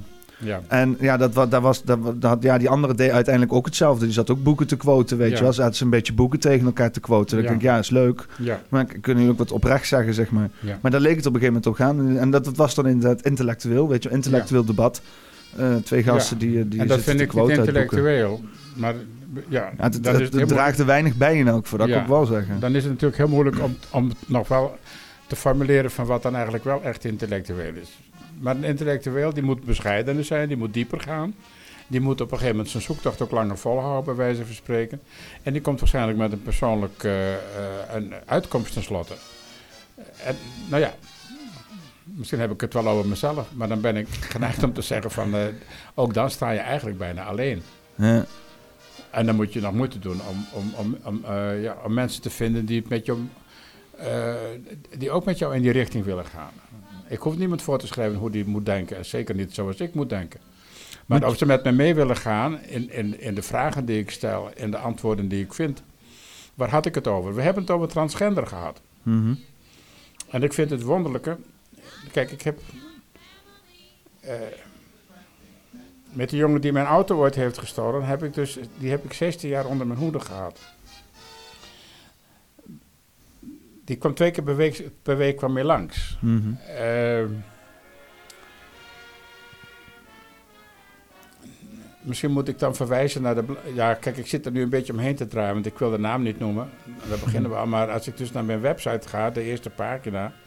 Dan staat er dus eigenlijk dat wat ik eigenlijk wil vertellen, dat heeft te maken met de ervaringen die ik heb gehad. En dat ik dus op die manier eigenlijk een voorkomen andere, misschien wel afwijkende kijk op de werkelijkheid of de wereld heb ontwikkeld. En dan leg ik uit hoe dat eigenlijk is gekomen. Mhm. En dat is eigenlijk mijn, toch mijn houding. Maar waar ik nou naartoe moet, dat gaat over transgender. Dat betekent dat deze persoon, die is bij mij niet geboren. Maar ik ben ooit, heb ik een periode gehad van 40 dagen lang dat ik zogenaamd psychotisch was. Nou is 40 dagen, heeft een bijzondere betekenis, want dat heeft ook een bijbelse connotatie, moeilijk woord. Wat, wat zijn de verwijzingen? Connotatie. Nee, nou, de, de 40 dagen, waar verwijzen die naar? Nou, dat is een heel natuurlijk getal. Een kind wat, wat eh, verwekt is, dat is 40 dagen onderweg voor het geboren wordt. Ah. En zo zijn er eh, 40 dagen in de woestijn lopen of zo? ook dat. dingen? Dat Was is dus 40 eigenlijk dagen? de, de 40 jaren in de Oh, 40 woestijn. jaar. Oh, jezus. dat is Maar, een stuk ook, maar dat is niet Oh, helemaal waar. Ook van Jezus wordt gezegd dat die 40 dagen is verzocht. Eh, dus misleid of verleid eigenlijk om, om dingen eh, op een gegeven moment voor zichzelf te accepteren. En dat was dus eigenlijk een soort beproeving. Die heeft hij, hij is, op een gegeven moment staat er dus, en dat is dan een bijbeltekst, dat hij naar de tinnen, dat is dus de, de, het, het dak van de tempel is gevoerd en dat he- hem daar eigenlijk werd getoond, eh, de hele wereld, en dat hij daar de macht over kon krijgen. En dat heeft hij dus afgewezen. Ja. Maar dat was dus eigenlijk een verlokking. Een, een, een, eh, dus zo zit de wereld eigenlijk ook in elkaar. Ja, maar jij had zelf ook dan een soort van 40 dagen durende openbaring. Ja, dat mag je zo wel zeggen. Eigenlijk eh, moet ik dan verwijzen naar de flaptekst op een van mijn boeken. Daar staat dus eigenlijk dat, ik, eh, dat die 40 dagen eigenlijk kunnen worden gezien als 40 dagreizen door een niemandsland. Mhm. Het, het- namelijk het land waar aan de ene kant eh, de hele mensheid eigenlijk wil leven en zich daar ook veilig voelt, bij wijze van spreken. En ik moest daar eigenlijk uit, dus ik ben daar 40 dagen uit geweest. En dan kom je aan de andere kant kom je er, kom je, kom je er doorheen. En dan heb je de wereld volkomen anders meegemaakt. En daar ben ik dus niet vreemd van. Dus ik kan de wereld anders waarnemen dan de, de, de, de gewone man eigenlijk dagelijks eh, doet. Eigenlijk is het ook zo wat we dagelijks doen met elkaar, dat is een soort concept van de wereld. En dat beleiden we met z'n allen. Eh, Bedoel je de, hoe de maatschappij vandaag de dag in elkaar zit? Ja, alles, eigenlijk de hele wereld. Zo, Maar altijd al of nu? Nee, dat is altijd zo geweest. Oh. We zitten elkaar dat voortdurend te bevestigen. En we testen elkaar er ook op van, denk je nog wel net zo over de werkelijkheid als ik dat ook doe? Ja, Want ja dat, dat, dat geeft het gevoel van en, veiligheid. en dan alsnog komen we er niet uit. Alsnog leven Nee. we een biljoen eh, Nou, ja, verschillende realiteiten. Want we zitten ernaast. Het, het, het- kijk, eh, ons concept van de werkelijkheid is meer niet dan alleen maar een voorstelling. een, we vo- hebben- een voorstelling. Een voorstelling. We hebben er een beeld van gemaakt. Een voorstel. Ja, een voorstelling. Een voorstelling. Ja. En we hebben er een beeld van gemaakt. En daar, daar maken we een confessie van. Daar geloven we eigenlijk in. En op zich is dat ook niet zo, zo verwonderlijk. Kijk, eh, als je hier in deze wereld komt, er zijn er een aantal dingen die gaan voor jou gelden. Je, moet, je bent eerst bij een kind. Je moet naar school. Als je klaar bent met school, moet je gaan werken. Je komt s morgens, eh, moet je om, om zes uur uit bed, bij wijze van spreken. Je moet je melden bij een baas en ga zo maar door. Eh, en- en tot aan je pensioen, bij wijze van spreken. Dat zijn eigenlijk allerlei vormen van vanzelfsprekendheid. Waar je niet zo makkelijk los van kan komen. Waar je niet zo makkelijk van kan zeggen: van nou, dat gaan we nu even lekker anders doen, want ik heb er geen zin meer in. Zo makkelijk is dat niet. Er- is wel zeg maar steeds meer, in ieder geval wat sowieso vanuit mij. Ik heb sowieso al dat gevonden als het idee als een nachtmerrie. Toch kwam ik er al vaak wel eens in terecht, zeg maar. Inmiddels heb ik me er wel van losgeworpen. Wat voor nachtmerrie. Ja, die 9 tot 5 eh, Ja, ja, ja. eh, in de file staan, eh, met z'n allen bewegen, vakantie gaan in die periode. Die hele gesynchroniseerde maatschappij, weet je wel. Die ook nog eens een keer aan het vastlopen, ook niks. Daar krijgen wij de schuld van, weet je wel. Dat is precies wat ze wouden, gesynchroniseerde werkers. En nu is het zo, dan zeggen ze, nee, nee, nee, nee, dat is allemaal jullie schuld, omdat jullie allemaal tegelijk dingen doen. Ja, dat is niet, dat is niet hoe we het wouden, Ja. bouwvak en zo. Dat is allemaal hoe het georganiseerd is, omdat het Ja. efficiënter was. Maar ja, in ieder geval, die, die geluiden nu helemaal met de hele coronacrisis, dat iedereen zegt van ja, dat, dat kan allemaal niet meer. Plus we hebben nu ook ervaren hoe rustig het kan zijn op de weg. Ja. Dingen zoals thuiswerken. Die hele flexibele blik, zeg maar. Op dus inderdaad, in plaats van dat gesynchroniseerd met z'n allen alles doen. Eten om zes uur, weet je wel. Ja. De, de hele dag zitten, zitten in de supermarkt niks te doen. En om Ja. zes uur is het ineens super druk. En daarna is het weer niks te doen. Ja. Eh, maar dan toch wel de hele dag open zijn, weet je wel. Ja. Het is gewoon raar. Alles is gewoon. eh, er was, dat is nu dus wel. Ik vind wel dat het nu. Het, het kwam al op dat ik al dacht van. Hey, er zijn je had al dingen zoals digital nomads. Dus mensen die gewoon zeggen van oké, ik heb geen vaste werkplek meer. Eh, die werken gewoon op een computer en die gaan gewoon de wereld in. Mhm. En die zitten ene dag eh, ergens in een, eh, bij een boom te chillen op de Bahama's. En een week later zitten ze in Azië. En een week later zitten ze in Australië. En ondertussen kunnen ze gewoon hun werk doen op hun laptop. Ja, ja. En eh, eh, dat is die geest nu wel echt geaccelereerd is door dit hele pandemie gebeuren, zeg maar. Mhm. Dus wel een, een, een, een hadden ze al heel vroeg hadden ze het erover. Alsof Ja. het, het plan al klaar stond, zeg maar. ja. maar dat het was ook al heel lang een wens, weet je wel. Ja. Alleen, ja, ja, niemand gaat natuurlijk als eerste ja. de dam over. Je ziet dus wel dat dus inderdaad die, die, dat die, geest er is of komt of zo. Of, oh ja, dat geloof ik ook wel. Alleen dan nog, eh, het kan een tussenfase zijn. Ja, waardoor het op een gegeven moment toch nog iets. eh, oh, deze muziek die, die ken ik dus helemaal niet. Deze plaat die. eh, ik heb hem wel meegenomen, maar ik weet niet van wie ik hem heb trouwens. Maar oké. Maar ik heb dus eigenlijk tegen iemand gezegd, die stond achter de balie bij de bank. Deze is dat. Die, had ik, die is voor mij, Glenn Miller. Oh, Glenn Miller. Is dit ook Glenn Miller? Ja. Oh, wacht even. Ja, ja, maar ik had dus. Oh, oké. Zo'n Mozartje opzetten? Ja, dat mag ook wel. Heb je die kleine plaat ook in de buurt? Eh, die zit in die eh, kleine... Met, dat- met, dat, met, met dat kasteel erop en die grijze achtergrond. Zal ik het pakken? Ja, pak hem aan. Maar ik heb tegen die... Op een gegeven moment had ik een gesprek met die beambte achter de, de, de toonbank bij de bank. Klein bankje. Maar tegenwoordig is, zijn alle bankjes klein. Want ze hebben gewoon eigenlijk een, een inloophalletje waar, de, waar ze dan hun baliewerk doen. Kleine 33 torenplaten, een klein formaat.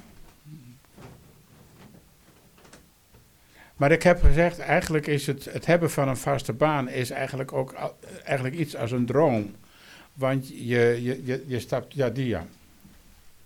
Want je stapt eigenlijk, elke morgen stap je in een, in een, eh, in een soort van zelfsprekendheid. Ja, in een, in een, in een flow van, ik hoop dat je de kant 1 hebt. Ja. Nee, ja, wat dat betreft, eh, zekerheid is een illusie, ongeacht welk systeem je hebt. eh. Ja, tuurlijk. Zo. En eh, het is wel grappig, je hebt natuurlijk ook altijd met mensen te maken die niet tevreden zijn en die het systeem willen.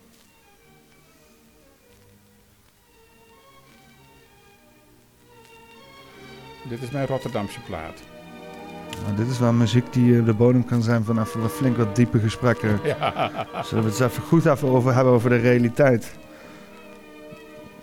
Hoe, hoe kunnen we iemand die dit luistert eens even flink, flink wakker schudden? Dus even flink zo van, ik weet niet wat, wat, wat, voor, een, wat voor een je op hebt, maar die moet dus even flink 45 graden gedraaid worden. Ja, ja, nou kijk, ja, ik zou dan eigenlijk... Wat is de grootste illusie van deze tijd? Van, van echt de afgelopen, ja, hè? hoe recent je het hebben? Afgelopen Nou, jaar, kijk, anderhalf wij, jaar? wij denken dat de werkelijkheid waarin we leven, dat we die hebben. Dat die grijpbaar is. Dat we daarover gaan. Dat we die kunnen manipuleren. Maar het punt is, we moeten eigenlijk even helemaal terug naar het begin. Eigenlijk van de filosofie. En dan hoeven we niet 3000 jaar terug, maar je zou bij Descartes kunnen beginnen, maar later zijn er nog wat meer. Komt eigenlijk hierop neer dat op een gegeven moment wordt voor de filosofen duidelijk dat de werkelijkheid, die kunnen wij niet pakken. We hebben alleen maar contact met die werkelijkheid door middel van onze zintuigen. Dus wij vertalen de werkelijkheid. Die komt bij ons binnen en dat is niet meer niet een voorstelling. Zit ik eigenlijk ook bij Kant in de buurt. Je, je, je observeert een realiteit en daarmee maak je dus ook een eigen impressie daarop, je, zeg maar. ja, je maakt hem werkelijk en dat is ook logisch, omdat op een gegeven moment met die werkelijkheid ga je ook aan de slag. Dus je pakt een bijl en je haakt een boom om. Dus dan heb je iets heel concreets gedaan. Of je neemt een bal en je gaat voetballen. Dus die werkelijkheid, daar kun je behoorlijk tegen aanschoppen. Die bal is dan de werkelijkheid. En, je, en, en, en dat voedt jouw geloof van dat je in de, in de werkelijkheid die jij ervan hebt gemaakt, dat is jouw interpretatie, dat dat de werkelijkheid is. En, en dat is slechts in het moment van observatie. Want als je bijvoorbeeld teruggaat in je herinneringen, Ja. dan is het nog een grotere clusterfuck. Want dan Ja, is het net gebaseerd op wat je hebt onthouden of ook hoe je het hebt onthouden, toch, Ja. denk ik, of Ja, niet? ja, ook dat, ja. En bovendien, het is nog zo, je bent ook nog een mens, dus je moet het ook nog beleven. En dat is dus heel wat anders dan die werkelijkheid die het, niet, die het zelf niet beleeft. Dus iemands anders werkelijkheid, zeg maar. Iemand die er was, die het heeft geroken, die het heeft gevoeld, Ja, die wist hoe warm ja, het maar was. ook, ook de natuur op zich, die is gewoon, die is in zekere zin op zichzelf is die wel objectief. Die hoeft zich niks van jouw be- beleving aan te trekken, terwijl jij de natuur beleeft. En ineens gaat de zon onder. Goh, wat is dat allemaal mooi. Wat heb ik een mooie dag gehad. Terwijl de zon alleen maar onderging. Ja, die En gaat de, ook- zon, en de zon gaat niet eens onder, de wereld draait er van weg. ja, ja, Die draait van de andere kant op, ja. waardoor de zon erachter komt. Dit- dus ons, onze werkelijkheid, en het is wel heel interessant om hier wel in te gaan, van wat is er dan eigenlijk aan de hand? Het is wel, het is even grappig dat je zegt over zonsondergang. En dan over een stukje realiteit en werkelijkheid. Want als je inderdaad op een bepaalde plek bent, ik heb het ook heel vaak als ik hier ben, en dan kijk ik naar buiten en dan kijk ik naar die zonsondergang, denk van, oh wauw, weet je wel, weer getroffen, mooiste zonsondergang. Ja, Dit is echt een van de mooiste plaatjes die je kan, kan wensen, weet je wel. ja, Maar het stomme is dat, dat, dat, dat eh, eh, eh, als je bijvoorbeeld hier beneden op het plein staat of gewoon op een andere plek, zit met z'n allen naar diezelfde zon te kijken op een andere manier, weet je wel. mhm. En eh, ik heb het idee dat dus inderdaad de zon mooier is vanaf hier, weet je wel. Alsof ik echt zoiets heb van, oh, wauw, hè? hier heb je Ja. de mooiste zon. ja, Zelfde, zelfde zon. ja. En maar dit zoiets had ik niet in, in, in een tuin in Husse, weet je wel. Zat ik niet, dan was het, ik zat gewoon Ja. eens een te kijken en had je wel, eh, eh, ik weet niet. Het is gewoon, ja. het is, ik- het is een, eh, het is een, eh, eh, eh, het- is misschien ook een beetje hetzelfde als wat je inderdaad altijd, wat, wat je altijd, dat die, iedereen zit naar diezelfde maan te kijken en dat geeft dan verbindenis en zo. Ja. En ja, ik weet niet precies wat ik hiermee wil zeggen. Ik wil zeggen dat je, zeg maar, dat je zo zo aansluit op dat stukje realiteit.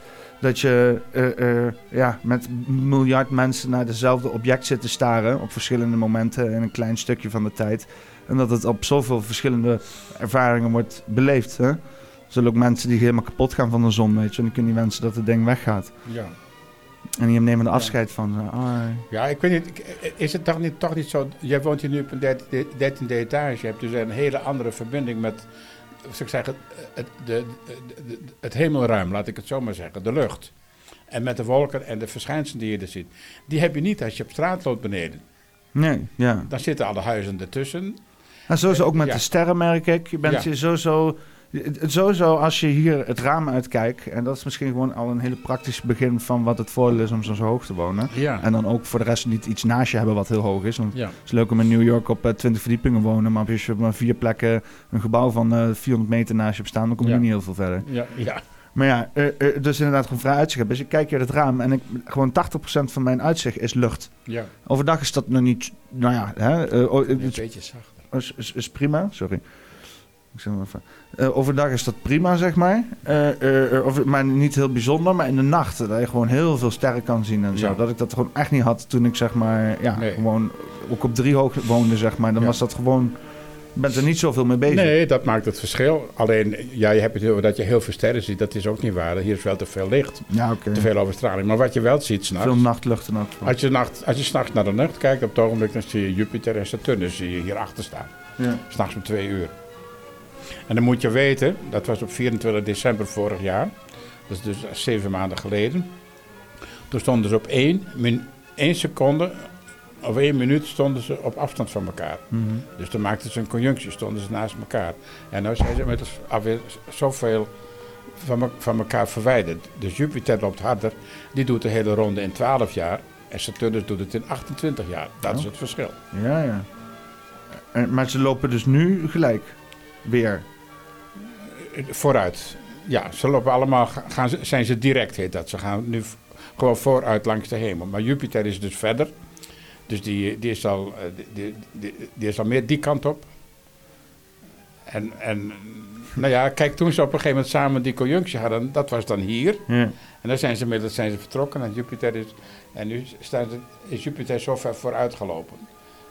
Dus dan heb ik het eigenlijk over de Olympische Spelen, waar je ook mensen op een gegeven moment rondjes ziet lopen. En de een loopt op de ander vooruit, want die, doet, het, die doet het sneller. Maar die conjunctie is dus al geweest eh, vandaag. ja, eh. maar dat is wel heel bijzonder, want die spelen een rol in mijn leven. Oké. Oh, hoe vaak is die? Hoe vaak eh De drievoudige conjunctie, nou, de conjunctie is eigenlijk eens in de 40 jaar. Eens in de 40 jaar. Ja, Dus dat was een vrij unieke moment, zeg maar. ja, dat is, ja. Ja. ik ben al 80, dus ik heb het drie keer meegemaakt. Oké. En eh, wat gebeurde er elke keer rond die tijd? Eh, de, de eerste drievoudige conjunctie is van 1940 en 41. En het grappige is, dan heb je dus drie plekken waarop Jupiter op een gegeven moment en Saturnus een conjunctie maken. Ze komen aan en op een gegeven moment dan blijkt de zon aan de andere kant van de aarde zodanig in een hoek te zitten dat je op een gegeven moment zegt van hé, hey, eh, de aarde beweegt ook ten opzichte van... En dan zie je, ze heel, zie je ze weer achteruit lopen. Dat is schijnbaar, maar je ziet het wel. Dus op een gegeven moment maken ze hier bijvoorbeeld een conjunctie.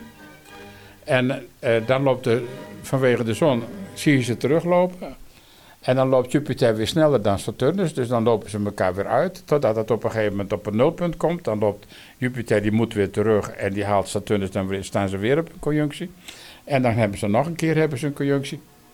En, en, en, en dan zien ze elkaar voorlopig niet weer. Dus dan, Maar, En het maar punt is zei- dus- Oh ja, sorry. die, die, die, die derde conjunctie die heeft plaatsgevonden op de negende graad van stier. In 1941. En dan moet je kijken wat er gebeurt. Drie, vier maanden later is het 30 april. Op die dag word ik geboren en er staat de zon op die negende graad van stier. Dus die graad is op de een of andere manier voorverwarmd. Die heeft een aparte verdieping gekregen of een, een, een aparte extra betekenis erbij. Daar ben ik uit geboren, uit de drievoudige conjunctie van 1940. Vier en- maanden, maar waarom vier maanden later? Ja, drie maanden later. Drie maanden na die conjunctie. Ja, Maar w- wat heeft, hoe is dat? nou dat is een uitgaande conjunctie dan. Dus die planeten die hebben elkaar daar ontmoet. Je kunt dat zien als een soort eh, nieuwe maanspositie ten opzichte hè, de maan en de zon. De, zon, de maan die haalt de, de, de zon eigenlijk in, want die gaat dan langs de zon heen. En dan komt hij eruit en, is, en dan trekt hij eigenlijk de zon open. Dus dan, Hoe lang duurt dat hele traject, zeg maar? voor de maan duurt het eh, vier weken. Hè? Maar, maar voor die eh, conjunctie Nou, dat, dat duurt eigenlijk als het eh, over. dat, dat heeft 40 jaar geduurd, want in 1980 hadden we weer een drievoudige conjunctie. En dat is heel bijzonder. Want je hebt twee drievoudige conjuncties in één en dezelfde eeuw. Dat gebeurt maar eens in de duizend jaar. Maar dus zo'n vier maanden, zo'n tijdsbestek van vier maanden is, dat is helemaal niks, zeg maar, in de, de hele sp- span van nee, maar het 40 gaat jaar. niet om die duur. Het, het, het- eh, kijk, ja, waar ik eigenlijk naartoe kan, dat is dit, dat, en dat wil ik ook, eigenlijk ook gewoon beweren. Eh, eh, in de Bijbel staat een tekst, dat is in Matthäus 2. Dat is dus het, eh, het, eh, het eerste boek van het Nieuwe Testament. En dat gaat over de wijzen in het oosten. Ze heet in de Bijbel de magiërs. Letterlijk, het staat er zo. En die magiërs die, die, die, die komen uit het oosten, dus die zijn duizend kilometer verwijderd van Jeruzalem, zou je kunnen zeggen. Die bestuderen de hemel en die zien ook een drievoudige conjunctie, dat is 5 voor Christus, 6 voor Christus. Mhm. En die constateren daaruit, er moet voor Juda een prins zijn geboren. Ja. En ze zijn zo overtuigd dat ze gaan. Ja. Dat zijn de wetenschappers van die tijd, die zeker waren van wat ze zagen. En ze zijn gegaan en ze hebben zich gemeld bij het paleis in Jeruzalem. Alleen daar was koning Herodes aan de macht en die gaf niet thuis. Het punt is namelijk dat Herodes is dus een, een nazaat van Esau. Je hebt Jacob en Esau, dat was vroeger een tweeling. En die hebben ooit eh, gestreden, zou je kunnen zeggen, of een meningsverschil gehad over het eerstgeboorterecht. Eh, ik weet niet of je dat verhaal ook kent, maar Isaac, die is, dat is hun- de vader van de tweeling. Die, is, die wordt oud en die, denkt eigenlijk van... het wordt tijd dat ik Ezo zijn, zijn, zijn, zegen, zijn eerste geboorterecht zegen geef. Maar Rebecca, zijn vrouw, die luistert dat gesprek af...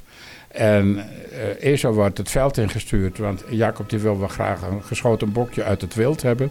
Dat moet Esau dan bereiden voor hem en dan wil hij dat met smaak opeten op zijn oude dag en dan wil hij Esau zegenen. Maar Rebecca is eerder en die gaat naar Jacob, de andere van de tweeling, en die zegt van je moet als de bliksem een, bokje slachten. En dan doe je het velletje om je, om je pols. En dan probeer je je vader te misleiden. En suggereren dat je ezel bent. En op die manier krijg je dan het eerste geboorterecht. Zo is het gegaan. En dat speelt dus eigenlijk nog altijd in de, in, de geschiedenis.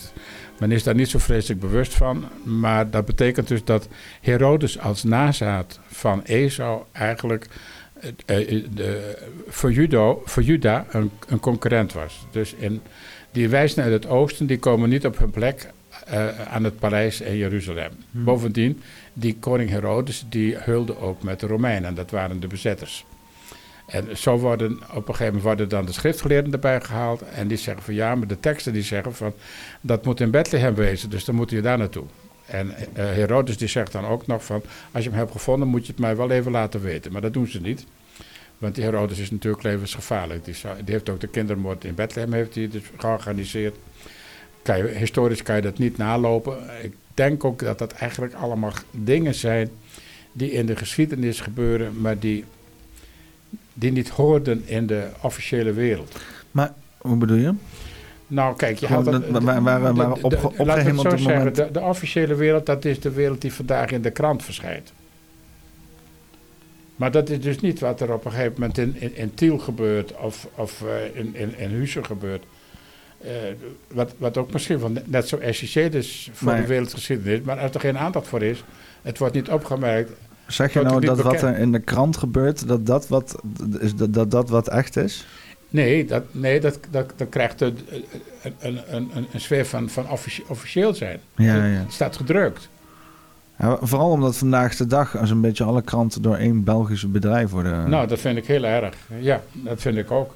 Het levert ook niks meer op. Dat, ik, ik, ik ben ook in, in, conflict met mijn krant. Ik heb twee kranten, maar ik ben er boos over. Ja? Wat, en zeker, nou, als ik het weekend, jezelf uit. Welke krant hebben we het over? Ik heb het over het NRC en over Trouw. En wat uh, is Nou, Trouw lees ik omdat ik theologie heb gestudeerd. Dus dan wil ik het kerkelijke nieuws eigenlijk ook volgen. Nou, dat gaat nergens meer over. Waar gaat het tegenwoordig over? Nou, over de instandhouding van het, het christelijk geloof, zoals de EO dat ook al jarenlang doet. dat, ja, snap je wel? Dat is dus een voorbije zaak die eigenlijk uh, geen levensvatbaar meer heeft, maar dat moeten we dus gewoon in stand houden. Nou, dat kun je dus nog wel 300 jaar volhouden. Maar wat, wat zou jij zeggen dan? Van laat maar gewoon lekker uh, op zijn loop? Of, uh... Nou, zo makkelijk is het allemaal niet. Want in feite is het toch zo, als er wat nieuws komt, moeten de mensen dat wel met hun eigen benen kunnen dragen.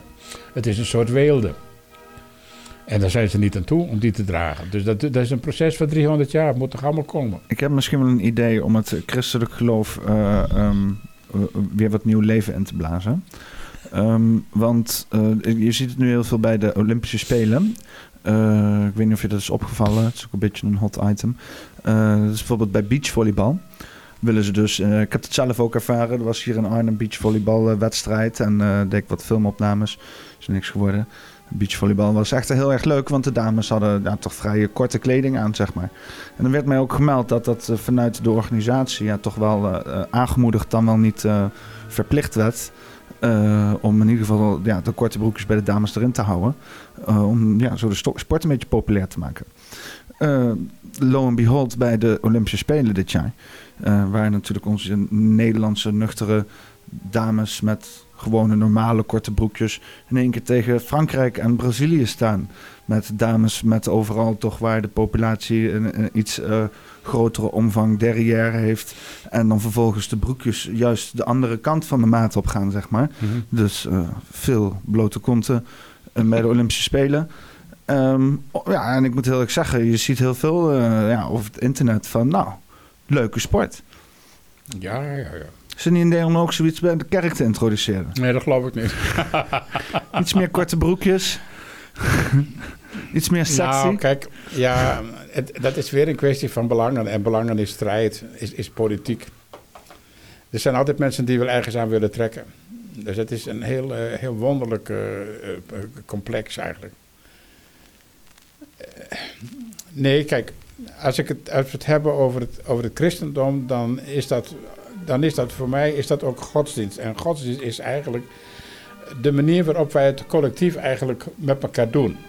En hoe het ons bevalt, bij wijze van spreken. Ook het geloof. Het geloof is ook een vorm van genieten van je vrome zelfbevrediging, of niet? En daar is, het, dat is, daar is godsdienst in principe niet voor. Alleen het is wel van iedereen. Dus Zeg maar het, het, het, het, voeren van het ego en zo. eh. bijvoorbeeld, dat zou Ja. kunnen, ja. ja.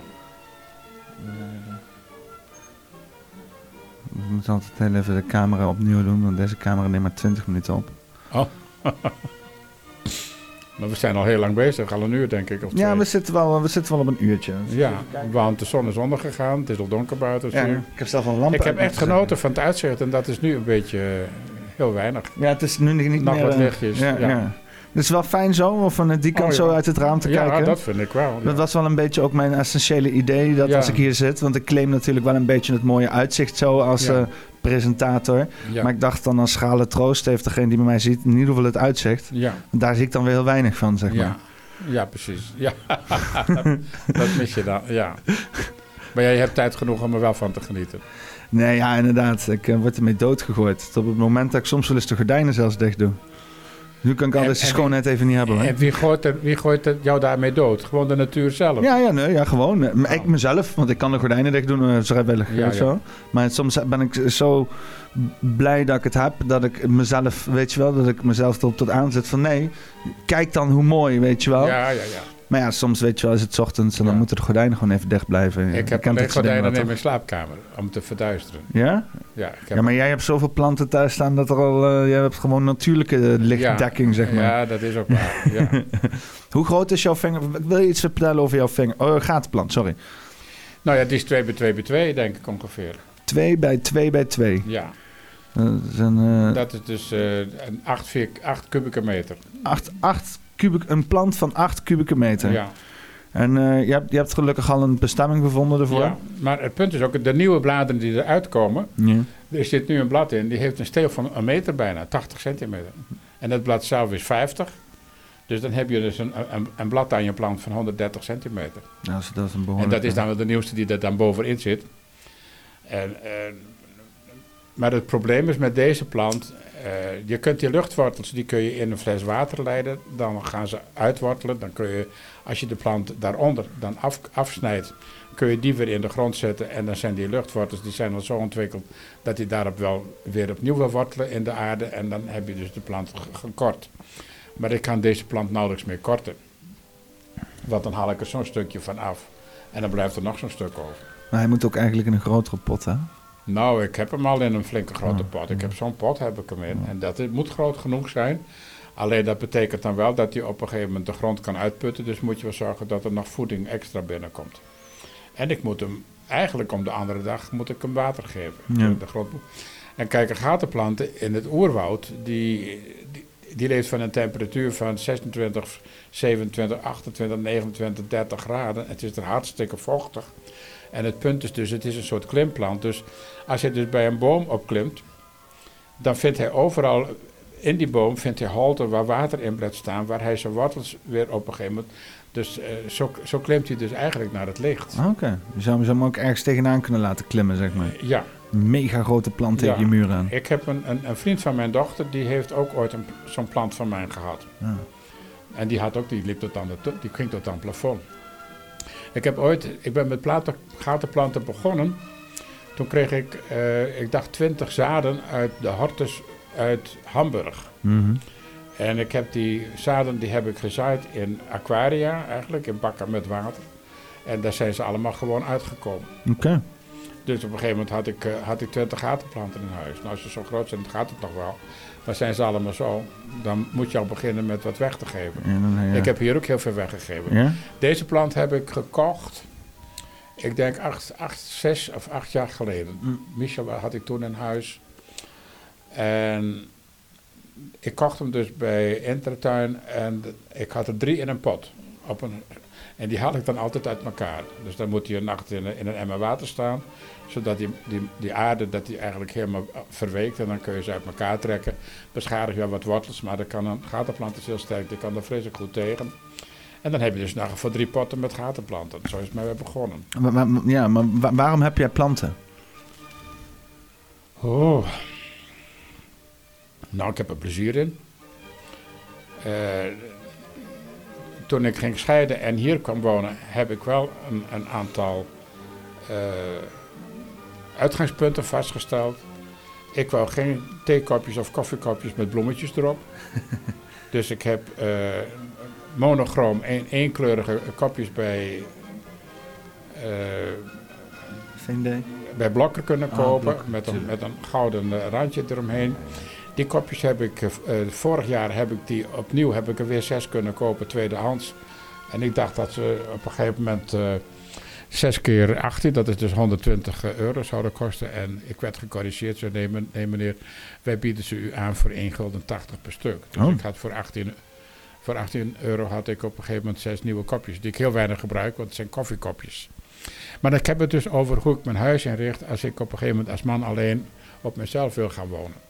En ik heb zo ook mijn, mijn kamer ingericht. Ik zat toen op de kunstacademie en ik vond dus eigenlijk dat mijn grote kamer een atelier moest worden. Daarom hangen daar nog altijd twee werklampen tegen de muur. Mhm. Daar moest mijn ezel tussen staan. En, en als ik dan op een gegeven moment een schilderij op afstand moest bekijken, dan had ik ook nog de lange lengte van 7 meter kamer, zodat ik er heel ver vanaf kon staan. Want dat is eigenlijk het eerste principe van schilderen: afstand nemen. Kijken wat je doet en zo. En, eh, maar als je abstract schildert, dan is het ook wel grappig. Dan zul je dat op een gegeven moment ook op de grond kunnen doen. Mhm.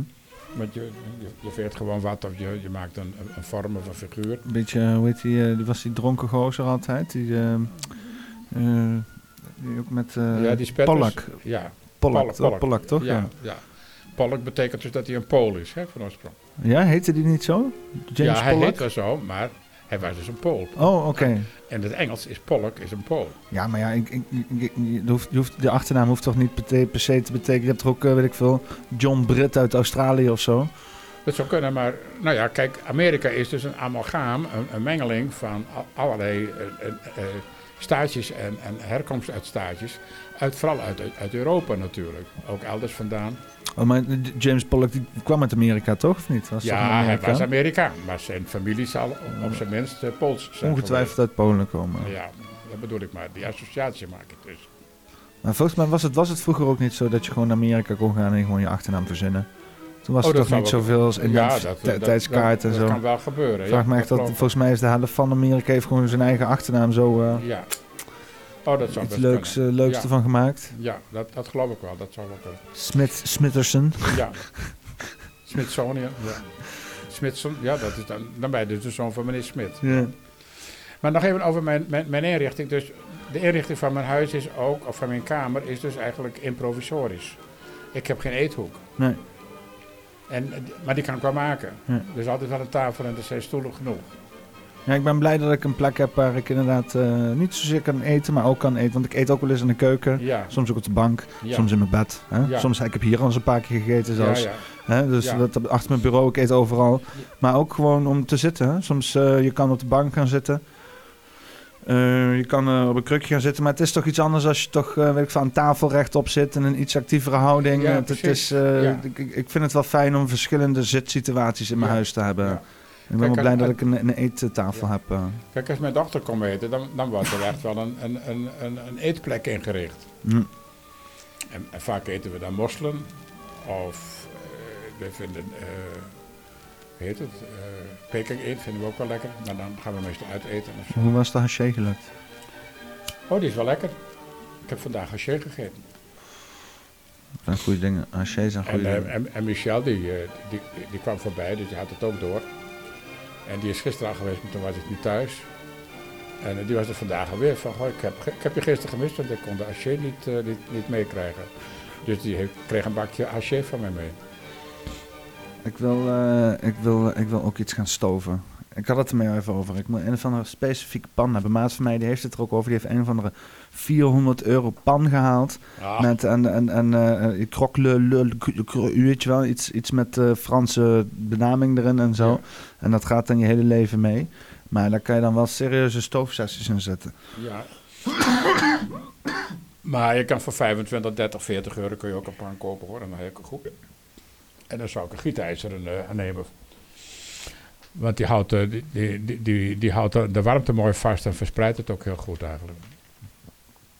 Ik zou wel een gietijzeren pan willen hebben. En verder, als ik, als ik nog over de inrichting van mijn huis eh, nog, kan, nog wat kan zeggen. Eh, Hebben we Deze, nou, deze nog niet dat is ook? Mozart. Ja, zullen we verder? Zullen we Ja, hoor, voor, prima. Mozart wel Ja. een goede achtergrond willen. Trouwens, wil je ook geen honky, hon, hon- honky tonk eh, draaien? Ja, die hadden we al gedraaid, toch? Daar begonnen we mee met de honky tonk. honky tonk is wat anders. Dat is een, dat is een piano met... eh, mag ik hier weg? Oh, dat ik is de boogie boogie. Oh, heb je honky tonk? Ja, ja, ja. ja, ja anders zet je Wacht de koptelefoon maar af en dan ga maar weg, want die zit wel vast aan een draadje. Zit hier in die rode tas, denk ik. Eh, dat is prima, zelfs. Nee, dit is... Ja, als je naar die andere tas loopt, moet je wel even de koptelefoon is opzetten. Oké, honky tonk. Ik ben wel benieuwd. Ik kwam niet zo voorbij toen we aan het graaien waren in de tas. is. Boogie woogie, honky is, tonk. kijk, hier is her. Zijn niet echt zeg maar de verfijnde namen die je zo verwacht van Je hebt trouwens toch eh, apart gelegd, denk ik. Oh, maar dit, oh wacht even. Dit. Knuckle Oké. O'Toole. Dames en heren, de honky tonk. Dit is een echt Amerikaanse plaat. Ik weet niet wat de side 2, nou laten we maar side 1. Klats hem er maar op. Dat is dus eigenlijk een piano met punaises op de, op de hamertjes. Oh, het, het is een soort instrument. De Nou, honky het is- tonk. Het is gewoon een, een bewerkte piano eigenlijk. Modified noemen we dat tegenwoordig. Nee. Zo modified, ja. Oh, dit klinkt heel Aziatisch. Oh. Ja, dit klinkt... Nee. Oh, dit klinkt echt van die saloonmuziek Ja, inderdaad. precies, ja. Ja, maar het, is, het klinkt ook Aziatisch, want waarschijnlijk is dat de toonsoort die je hoort. Ja, ja, in het begin heel even kl- dacht ik heel even aan, Ja. de, aan de klassieke en dan waarschijnlijk heel Nou, erg kijk, racistisch als ik dit zeg. Je- tu, tu, tu, als je- tu, tu, tu. Maar, eh, maar eh, eh, nee, dit is gewoon klassieke saloonmuziek als ik Ja. Het kl- klinkt, Maar- klinkt bijna versneld gewoon. Ja, maar als je... Ja. Als je dus alleen op de zwarte toetsen speelt op de piano, dan heb je maar vijf tonen. Ja, makkelijk is dat en lekker. dat, dat is eigenlijk Chinese muziek. Alleen maar zwarte tonen. Ja. Dus de, de Is dat toepasselijk? De, de Chinezen die hebben vroeger zijn ze begonnen muziek te maken op vijf tonen. En eh, dat is dan muziek die klinkt ook van alle eentjes zwemmen in het water. Dat kun je ook op vijf zwarte toetsen spelen namelijk. Huh. En ja, dat betekent dus eigenlijk dat die muziek eigenlijk kinderlijk bol is.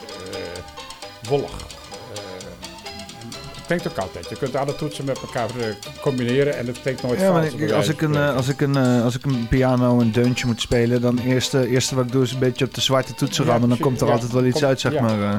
Maar dat gaat, gaat kinderlijk klinken. ja. ja. Tenzij er een dikke distortion overheen zit die geluiden klinken als... Wow, wow. Speel AKA dubstep speel muziek. jij ook gitaar of zo? Nee, ja, nee. nee. Ik, ben, ben, ik, ik heb wel eens wat instrumenten vastgehad, ik, maar ik, ik kan niks significants, niks. Nee, ik denk dat ik wel eens... een keer Ik, ik, zou heel graag, ik, ik zou heel graag een blaasinstrument willen spelen. Dat doe jij ook, toch? Ja. En eh, eh, eh, maakt me niet eens zo heel veel uit wat. Eh, maar daar zou ik echt een beetje mee willen kloten en zo. Maar ja, dat, ja ik wil het hier mijn buren niet aan doen. En eh, toetsen. Want ik heb vroeger wel toetsen. Iets met, eh, ik had wel eens een, orga, een, een, een, eh, orgel. orgel. Een elektrisch orgel hadden we thuis staan. ja. Vond ik altijd wel leuk. Maar ik zat er niet vaak genoeg op. Dus dat denk ik niet thuis uit. Dat is wel Ja. jammer. En, eh, maar ik, ik zou dus inderdaad eh, serieus... eh, eigenlijk zo'n MIDI-toetsenbord hebben die je dan op de computer kan aansluiten met USB'tje. Ja. En dan dat ik een beetje, een beetje kan pingelen. ja. Ik denk dat dat wel, eh, dat, dat, dat moet ik doen. Dat zou ik wel meer willen doen. Ja. Ik ben begonnen met gitaar. Alhoewel, ik heb eerst een mandoline geleend van een buurmeisje. Het mandoline. Ja. Min? Ik heb een mandoline hangen hè, aan de muur bij Ja. mij, in de, in de grote kamer. Oké. En ik heb een viool gehad van een tante. Ja, daar heb ik niet echt op gespeeld, maar ik vond het wel leuk. Als ik in een volgend leven terug wil ik eigenlijk viool gaan spelen. Dit En is nooit heb- oud om te leren, hè? Nee, ja, nou dat lukt nog niet meer, weet ik. Ik heb piano gespeeld, maar toen ik gescheiden ben heb ik de piano thuis laten staan. Die dit is bij mijn ex. Want ik vond, hier kan ik geen piano spelen in deze flat. Want ik zit er eh, ook nogal heel veel op te spelen, nu en dan. Gewoon, dat kan je dan improviseren noemen, maar dat, kan, het dat haalt het niet echt. En ik speel accordeon en dwarsfluit. Dus het is eigenlijk eh, nogal heel wat, maar ik vind niet dat ik op, op al die instrumenten dat ik daar goed in ben. Misschien gaan we eens een beetje... Misschien gaan we eens een keer met accordeon doen. Dan als, doe- als ik hier mijn muziek setupje een beetje oké heb... eh, want dat moet ik nog allemaal doen hoor. Ik heb nog niks gedaan erin. Maar, Maar dan, dan, nee, maar dan ga ik gewoon een lekkere dancebeat doen. En met een, weet ik van, iets van een basgeluidje eronder. En dan kan je gewoon zo... Tuut, tuut, tuut, tuut, tuut, tuut. Weet je wel, gewoon simpel. Gewoon, gewoon, jij weet in ieder geval welke noot... Je kan noten aanslaan, slaan, toch? Of niet? Nou, dat valt met de... Ik, ik, ik, ik, zeg niet dat je een, zeg maar, een complexe accordeon... eh, eh, eh, Nee. repertoire naar voren moet halen. Maar je kan wel een leuk riedeltje aanslaan, toch, denk ik? Of niet? nou, niet echt. Heb je wel eens Ik- house muziek geluisterd? Heel weinig. Nou, ik zal je het concept van house muziek even uitleggen. Eh, dat vergt nagenoeg nauwelijks artistische kunsten. eh, want het is voornamelijk bewerkt. Hè? Je, je speelt het niet live, je speelt het in. Hè? Dus je hebt daar heel veel ruimte om correcties te maken. En vaak neem je het ook maar op in kleine korte fragmentjes. En dan plak je het aan elkaar en dan klinkt het allemaal heel episch. Dus wat, wat je doet is gewoon ja, een heel kort dingetje hè, uitslaan. Wiep. Nou ja, die herhaal je twintig keer. En dan doe je misschien aan het eind een wiep, wiep, wiep, wiep. Hè? En die, die zet je daar neer. Nou, dan heb je een melodie. Nou, dan doe je een dikke bas omheen bouwen. Een beetje kick eronder zo. En dan... wiep, wiep, wiep. En als je, en als je dan gaat optreden, dan, dan voer je dat dus uit. Dat is dus eigenlijk een, een, een vast repertoire dan. Of een, Nou ja, nee, je, kan het. De, de meeste mensen draaien het gewoon in. Hè? Want om dan zo'n artiest neer te zetten die gewoon een klein loopje de hele tijd zo doet. Dat is, Ja, ik ja. denk dat weinig artiesten daar zin in hebben om te ja, doen. dat dacht ik ook Je ziet ze nu wel eens, wel eens een DJ af en toe eh, eh, op het podium springen. Ja, en dan ja. inderdaad even een gek dingetje doen. Maar dat is dan vaak iets van een Ja, solo ja. stukje of zo. Maar eh, nee, meestal is het een DJ. Ja, gewoon een gozer die plaatjes staat te draaien. Tegenwoordig Ja. zijn er niet eens meer plaatjes, gewoon knopjes. Eh, Oké, ja. oké. Ik heb... eh de Broebek heb ik eh, gezien in, in Muzies. Dat was in 94 ongeveer. Ja. Die man die had zulke lange vingers. Dat wil je niet geloven. Die waren twee keer zo lang als die van mij. Mijn vingers zijn te kort hè, voor piano. Ja? Ja, kijk, ik had... Mijn moeder zei altijd dat ik pianovingers had. Dat ik lange vingers Ja, had. je Heb hebt ik mooi nooit- lange vingers, ja. Ik doe er niks mee met mijn Nee. lange vingers. Ik peuter alleen heel veel in mijn neus. doe je dat? Nou, dat doe ik ook wel eens. Ja, eh, eh, heel eerlijk gezegd, het is maar net waar je het doet, weet je wel. Je gaat ook niet in de trein zitten schijten, weet je wel. Dus, maar eh, kijk, soms zit er gewoon iets in je neus, weet je wel. En ja, je kan ook gewoon een doekje pakken en Ja. mee in je neus peuteren. Nou, dat kan als- ook, als je fatsoenlijk bent. En soms ben je niet fatsoenlijk, hè. Ik betrap mij erop als ik in de auto zit dat ik dan vaak de haren uit mijn neus zit te trekken. Haar, oh. Dat is, dat is, ik vind dat niet te doen. Nou, ik ik, tranen en zo en Ja, shit. maar dan ben je nog te jong. dan, voel je nog, dan voel je nog te Als je veel. oud wordt, dan trek je zo alle haren er gewoon ja, uit. Zo, dan, eh. dan, dan werkt dat gevoel minder, geloof ik. Tenminste, dat herinner ik me ook wel. Kijk, vroeger was een, een, een prikje krijgen, dat was, oh, dat was een, een, een, probleem eigenlijk. En eh, nu krijg je een injectie en ik heb het zelf moeten doen trouwens. Ik vind het wel een mooie zo. Wij zeiden van Sjoerd, zolang je haren uit je neus trekken nog pijn doet, dan ben je nog jong. Ja, goed zo. Oh, ga je neus snuiten? Bijna. Oh, oh, dat is het geluid. Je moet misschien in het licht kijken. Oh. Ik zet even het geluid voor jullie uit, dames en heren. Speciaal voor jullie. Omdat ik van jullie hou. En ook een beetje van Sjoerd natuurlijk. Hè. Dat is niet, hè. De- de- de- Nou, dat vond ik wel heel lief van je. Ik heb jou een nieuwjaar gewenst en ik kreeg een kus van je. Ja? Ja. Nou, kijk aan.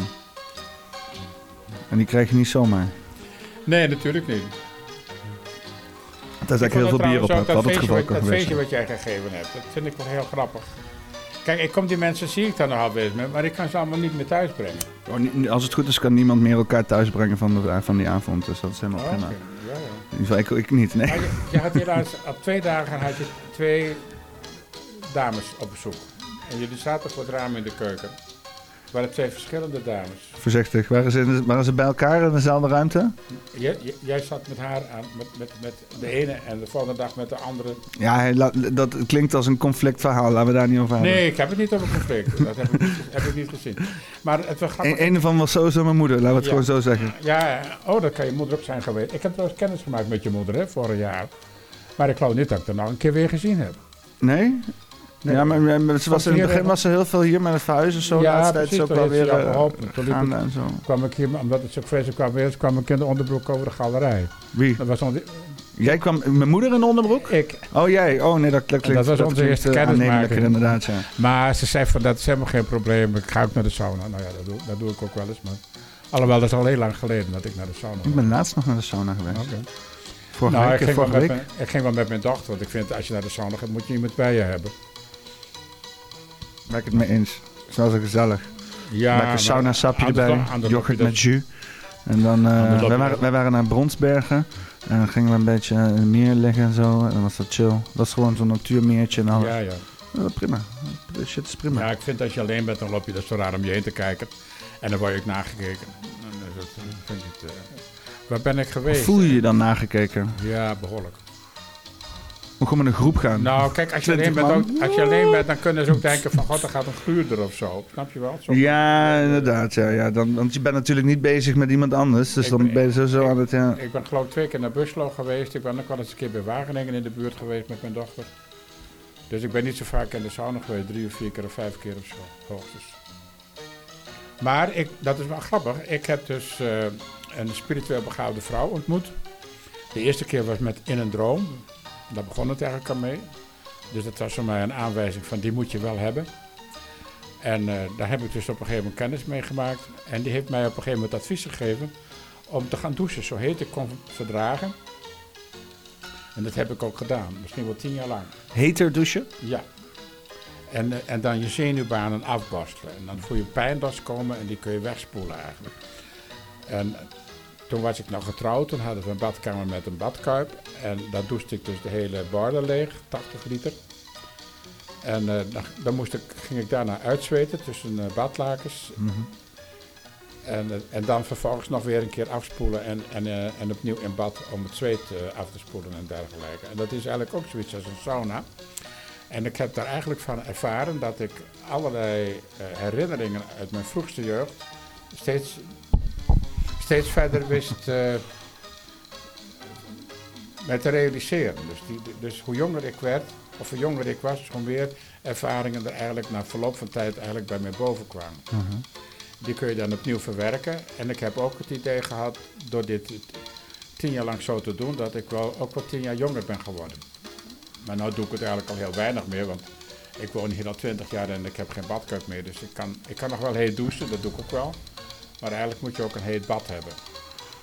Maar je moet het eh, ook een beetje heet en koud afwisselen en zo, toch? Dat is toch Nee, wat dat de bedoeling? niet. Ja. Nee, dat, dat, dat kan in de andere sauna wel, vind ik. Maar dan heb je toch nog weer een veel hogere temperatuur en die is veel meer om jou heen. Met Ja. douchen is het veel plaatselijker. Ik had laatst een filmpje gezien en dan legden ze zeg maar uit dat eh, als je dus inderdaad of in, in, in extreme hete of ex- extreme kou gaat, dat zeg maar je lichaam, je bloed gaat extreem rondpompen. In het geval Ja. van hitte, om dan inderdaad eh, de, de, de, de hitte bu- buiten de kern van je lichaam te houden. Dus dan gaat ze heel erg naar buiten pompen. Ja, In het geval van kou gaat hij alle bloed naar binnen pompen om dus inderdaad juist het binnenkant van je lichaam heel warm te houden. te houden. Ja, ja. Maar ja, door, daardoor train je zeg maar, je aderen zo om flexibel te zijn. En als er bijvoorbeeld kleine propjes in zitten, worden die op zo'n moment juist vrijgemaakt en zo. Oké. Weet je wel, dat is een soort van flush, een soort van klisma voor je bloed, eh, bloedvaten, zeg maar. En eh, ja, dat, dat is, ik zeg het dan, we moeten maar veel sauna shit doen. Kan je gewoon biefstuk blijven eten en zo. Ja. Vroeger was het zo, als het, ik, ik, ik zwom meestal de eerste keer, en dan moet je dat niet zwemmen noemen, maar dat was eigenlijk, eh, Verzuipen. nee, dompelen. dompelen. Oh. Dus ik ging tot mijn nek het water in. En dat gebeurde dan meestal rond 7 maart. Dat was dan de eerste dag ongeveer dat de zon behoorlijk scheen. En dan kom je uit het koude water. Dat is dan niet warmer dan 13 graden, denk ik ongeveer. Maar dat kan je niet meten. Ik heb nooit een thermometer bij me. En dan kom je uit het water en dan moet je gaan hardlopen om droog te worden. En om die, die warmte weer door je lijf te krijgen, bij wijze van spreken. Maar dat kan ik niet meer. Ik ben er te oud voor geworden. Ik hou niet meer van koud. Nee. Ja, dat is een ding hè, als je ouder wordt. Ja.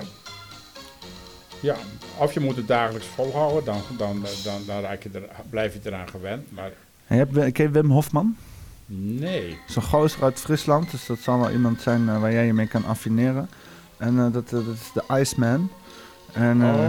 en die, ja, die, die houdt wel van kou, zeg maar. En ik weet niet hoe oud hij is. Kan zijn, want jij bent natuurlijk ook wel een aardig op leeftijd. Maar ja, nee, jij bent zo zo ouder. Hij is, hij is veel jonger. Hij is inderdaad...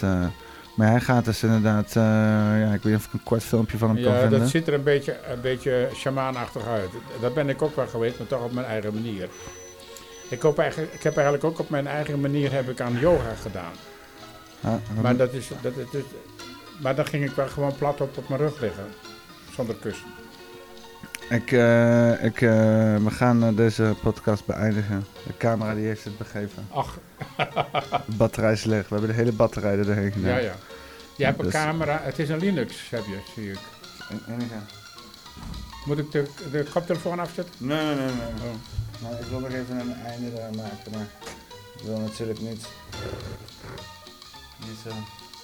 Nou, dit komt helemaal deze kant op zo. Ja. Oh. Er is niemand voorbij gefietst hier vanavond. Nee, hè? Nee, ja, mijn, mijn hele intentie was. Mijn hele intentie met het raam was wel een beetje ook om interactiviteit te pakken. Nou, aan de ene kant heb ik dat, want je ziet natuurlijk eh, ook wel een beetje wat insectjes en vogels en al dat soort zaken. Dus, eh, kijk, zo. zo Oh ja. Zonder we met z'n tweeën een beetje, bij, beetje beide op zo. Ga ik even een beetje naar voren hangen en dan sluit ik hem rustig af. Maar, eh, maar nee, nee, dat is nog niet. eh, we hadden afgesproken dat jij eens een keer lang zou lopen, hè? Maar dat, dat komt er ook niet altijd uit. eh. nu zit je gewoon hier. Dat Ja. is gewoon, dat is beter als langslopen. Nou, ik vind het wel, ja, ja. Ik zat wat te denken over een rubriek waar je de krant kon brengen. en jij bent denk ik een van de weinige mensen die hier nog actief de krant leest. Nou, dat moet je maar, eh, dat, dat stel je dan wel heel leuk voor. Ik heb een hekel aan die kranten, het zijn er te veel. Hm. Ik heb er veel werk van, want ik moet ze eigenlijk uitknippen als het interessant is. Dat is maar heel weinig dat dat gebeurt, maar dat, eh, dat doe ik wel. en eh, die NDC die ik ook lees, die haal ik er s'avonds op. Daar ben ik eigenlijk ingerommeld. En die, ik heb al geprobeerd om hem weer kwijt te raken en dat lukt me niet. Hm. Ik zit er drie jaar aan vast. Ja. Dus als jij de krant van mij over wil nemen voor de halve prijs, dan mag je die NDC van mij lezen. Ik wil geen krant lezen. Dat, wist, dat wist ik al. Nee, ik, eh, ik bombardeer dit tot eh poppenkast eh, nummer onduidelijk. Ik had vorige keer had ik het ook helemaal verkeerd. Zegt de hele poppenkast langs nummer 21. Dat was gewoon 22. Dus. Maar ik, ik, ik prop deze er ook een keer ergens tussen. Dit is sowieso een anderhalf durende podcast. Dus Oké, de video moeten we nog even, moet ik even goed bewerken nog en zo. prachtig. En dan, Ik ben benieuwd. dan maak ik er wel wat En van. wat voor reacties levert jou dat op? Niemand, niemand reageert hierop. Nee, Nee. Tweeënhalve paard ik op. ja. Maar dat, dat moet, je ook moet je ook realiseren. Het is, het, het- het- er is geen tijd meer over. We zijn allemaal veel te druk met alles. Ja, En kijk, en als je wilt reageren, moet je je gedachten ordenen. nou, dat doet ook niet iedereen. Nee, lang niet. Maar fijn, je moet wel een beetje weten wat je dan aan wil voeren en waar je een opmerking over wil maken of wat je, wat je goed vindt. Of Ja, je hebt zeker geen Twitter gezien. eh. Nee, daar Nee. doe ik niet aan mee. Daar, daar wordt vrij weinig nagedacht voordat er iets wordt eh, Ja, geschreven, zeg Ja. maar. Rauwe, Ja. rauwe puurste, pure eerste gedachten zijn het allemaal. Ja. Nee, daar doe ik niet aan mee. En, en Facebook zit ik ook niet op. Nee, Is mij ook afgeraden, omdat ik eigenlijk toch te uitzonderlijk ben om mij daar te bewegen. Ik krijg de meute achter me aan misschien. Niet dat ik er erg bang voor ben. En als ik het heb over mijn website, dan moet ik misschien toch nog wel een keer wel eh, iets met Facebook gaan doen. maar het kan zijn dat dit op Facebook belandt. Ja, ja. Maar dan heb ik wel, ik heb je, ik heb je rug hoor. Dus als er, Maar, als, kijk- als er meute komt, dan sta ik tussen jou en de meute. Ja, ja. Hè? hey, meute. Oh, daar ben Hey. ik. Daar Hey, ben ik meute. eh, nee, daar ben ik niet zo bang voor. Maar het punt is ook een beetje. Kijk,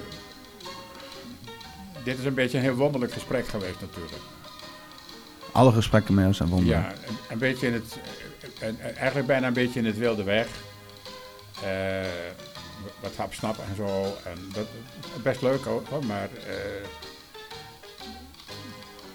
ik kan me niet direct voorstellen dat bijvoorbeeld mensen van zogenaamde meute, dat die er op een gegeven moment eh, eh, aanstoot aan zouden willen nemen. Ik heb misschien wel rare dingen gezegd. Nee, mensen die inderdaad de moeite zouden nemen om zo lang te luisteren, om dan inderdaad dan wel echt... Ja, precies. Nou, ik vraag me af hoor. Er zijn, er zijn wel mensen met moeilijk veel tijd en, eh, ja. en heel weinig gedachten. Nou, dat is zo. Kijk, als je, als je de, de podcast hebt, ik, ik heb s'nachts de radio wel eens aan. Ik vind op het ogenblik vind ik het vreselijk met die, met die Olympische Spelen. Het, het is gewoon sportpap wat je de hele dag uit de radio hoort. Ik vind het vreselijk. Sport, pap. Pap, ja. Word je door de er straat, zo in? word je door de straat gedouwd. Of zat Ja, er nog een hoesem heen? eh, nog Ja, een- nee, dat is wel goed. Sportpap. Het is. eh, tenminste, ik, ik volg het ook niet. En ik heb ook in de, in de lift heb ik al een commentaar gehoord van ja, het, het, het erge is eigenlijk. Je hoort, je hoort alleen een verslaggever vertellen wat ze allemaal doen, maar je ziet, ze, je ziet ze persoonlijk hun prestatie niet leveren. Nou, dat vind ik eigenlijk ook al niks. Maar er is toch denk ik, neem ik aan, toch wel ergens iets waar je gewoon alle streams hebt van alle... Van alle eh, van alle Sportprestaties. ja, maar gewoon, gewoon de, de live afleveringen van zou, de... zou kunnen, maar ik wil het niet weten. Je, je wil, je wil niet kijken, zeg maar, kijken naar hoe mensen... de- Ik heb niks met Oranje in die zin. Ik heb niks met Nederland. Ik heb, ik, Nou, als heb iemand een sportprestatie levert, extra hoog springen, extra ver springen, Nee. extra veel springen met een stok, extra Nee. ver werpen met een bal, extra ver een stok werpen, Never, never, never, never. mijn- lang lopen, kort lopen, snel lopen, hoog lopen. ik, ik ben, eh, als militair heb ik redelijk hard de 100 meter gelopen. Ja? Ja, ik weet niet meer precies. Dat, kan ik niet noemen. ja maar oké, wa- oké, wacht even. Maar Ik bedoel, ik snap, ik snap dat we niet altijd heel specifiek kunnen zijn, maar om te zeggen van ik kan redelijk hard de 100 meter lopen, dat is wel dat is niet. Is dat een prestatie? Nou, nee, want we moesten allemaal lopen. En, maar ik wilde wel. Ik, ik, ik had het Maar dat, betekent niet je eerste bent geworden ooit. Nee, ik was niet de eerste. Ah, Oké. Nee, maar misschien wel de tweede en anders de derde. Oh, oké. Ja, ja, ja. Maar het was geen wedstrijd hoor. Het was gewoon iedereen moest aan het lopen. Dat is een- voor conditie opbouwen een natuurlijk. prestatie leveren, bij wijze van spreken. Ja. En het werd opgenomen op, op, op een, de chronometer. Een wat? Een chronometer? Ja, dat is de seconde, seconde teller. Stopwatch. Ja, de stopwatch, ja. Chronometer. Ja. ja, dat heette vroeger zo. Dat is wel grappig dus, dat ik dus een, een, een woordenschat heb die een beetje uit de tijd is. Ja, oldschool. ja, Oldschool vocabulaire. ja, Maar dat is wel fijn. Het is ook fijn dat het vast ligt. ja. Nee. En ik wou eigenlijk nog Het vergaat zeggen. niet meer. Maar mijn, mijn, mijn, mijn sportplezier heeft eigenlijk gelegen in het feit dat ik zeilinstructeur ben geweest. Hmm. Maar ik wil ook weer niet zeilen om het hard zeilen. Om het en ook in- gewoon het Ja. vrij in het water zijn. om lekker met, met touwtjes sloten en ja, zo. En het, en het te winnen van de ander. Daar ben ik niet in geïnteresseerd. Ik wil mooi zeilen. Je, je bent niet competitief, zeg maar. Nee. Nou ja, kijk, maar ik ben ook niet competitief. Nee. Ik heb altijd zoiets als iemand heel graag wil winnen, dan gun ik het hem gewoon. Ja, Het is goed, jongens, Ja, het zoveel voor jou Dan doe, ik, betekent. dan doe ik tien stappen achteruit. Ga rustig je gang. Wat ik nog eigenlijk... En dat zeilen... Ik ben zeilinstructeur geweest. Heb ik vijf, vijf vakanties, vijf zomers heb ik dat ook gedaan. En toen vond ik het water in Friesland te klein worden. En toen ben ik dus... Ben ik ook nog twee, twee keer... eh, twee maanden ben ik matroos geweest op Hm. zee. Dat was heel leuk. En ik heb heel veel geluk gehad. Want de meeste matrozen die varen heen en weer zo, twee maanden lang. En nog eens twee maanden. En ik ben echt overal geweest. Ik ben in Lissabon geweest, ik ben in Oporto geweest, ik ben in Trondheim geweest, ik ben in Hamburg geweest, ik ben in Delfzijl geweest, in Terneuzen, in Antwerpen, in Dover. Ik ben om Engeland heen geweest, precies de andere kant op. Met dergelijke Christiaanstand, het Rimpfjord, Aalborg. Een één zeilsessie. En twee, twee keer twee maanden. Oké. Oh, ja. En ik ben eigenlijk ook nog vanuit Rusland teruggekomen, van Klaipeda naar Kiel. Ben ik door de Oostzee gevaren. Denk je dat dat een beetje jouw Friese roots zijn? Om gewoon toch op Ja, te mijn overgrootvader die zeilde daar. Die zeilde op de Baltische Staten.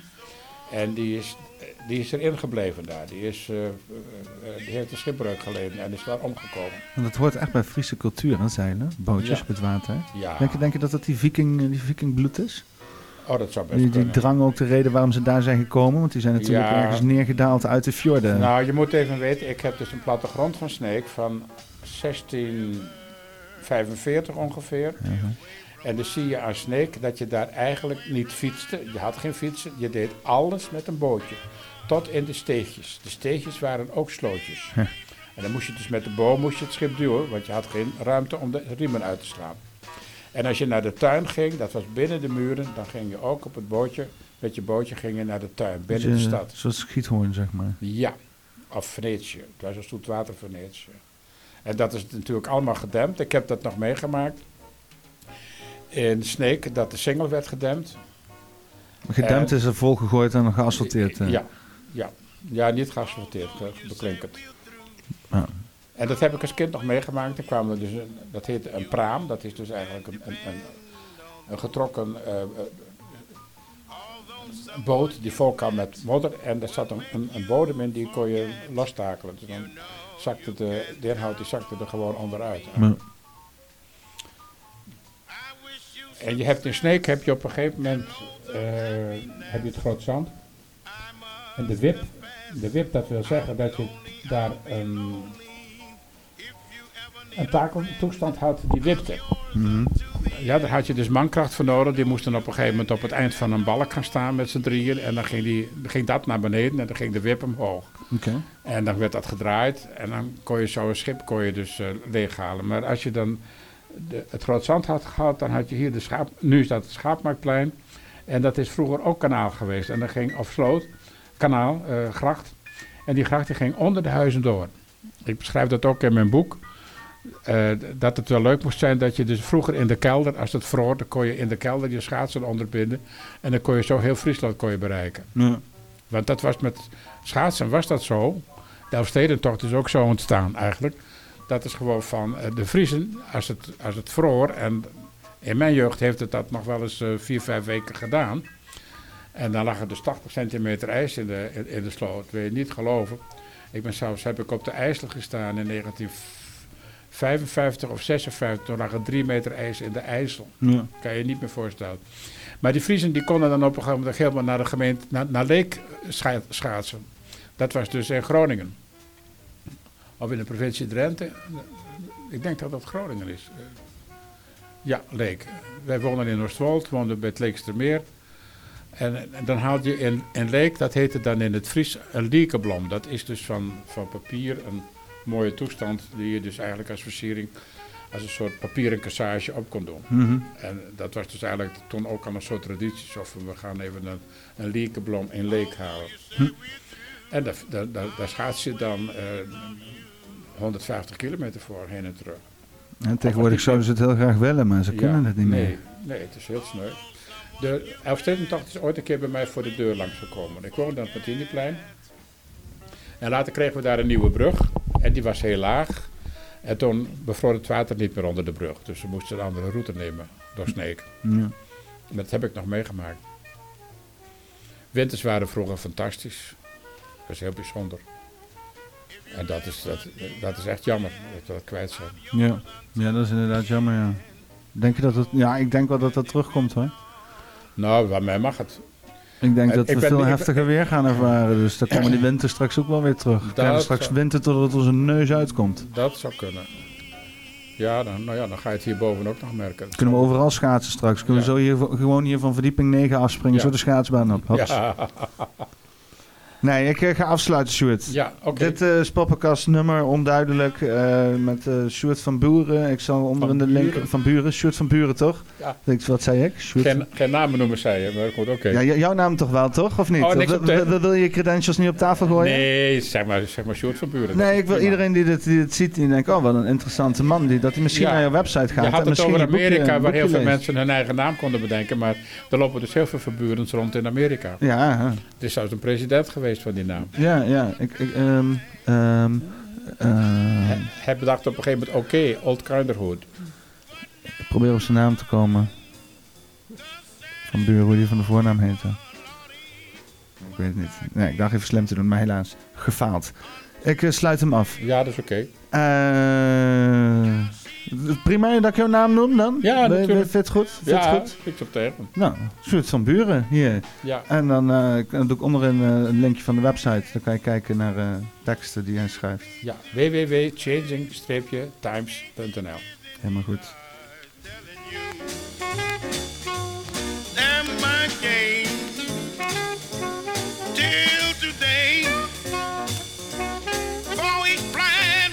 woman done fell through. There was a time I was the only one, but now I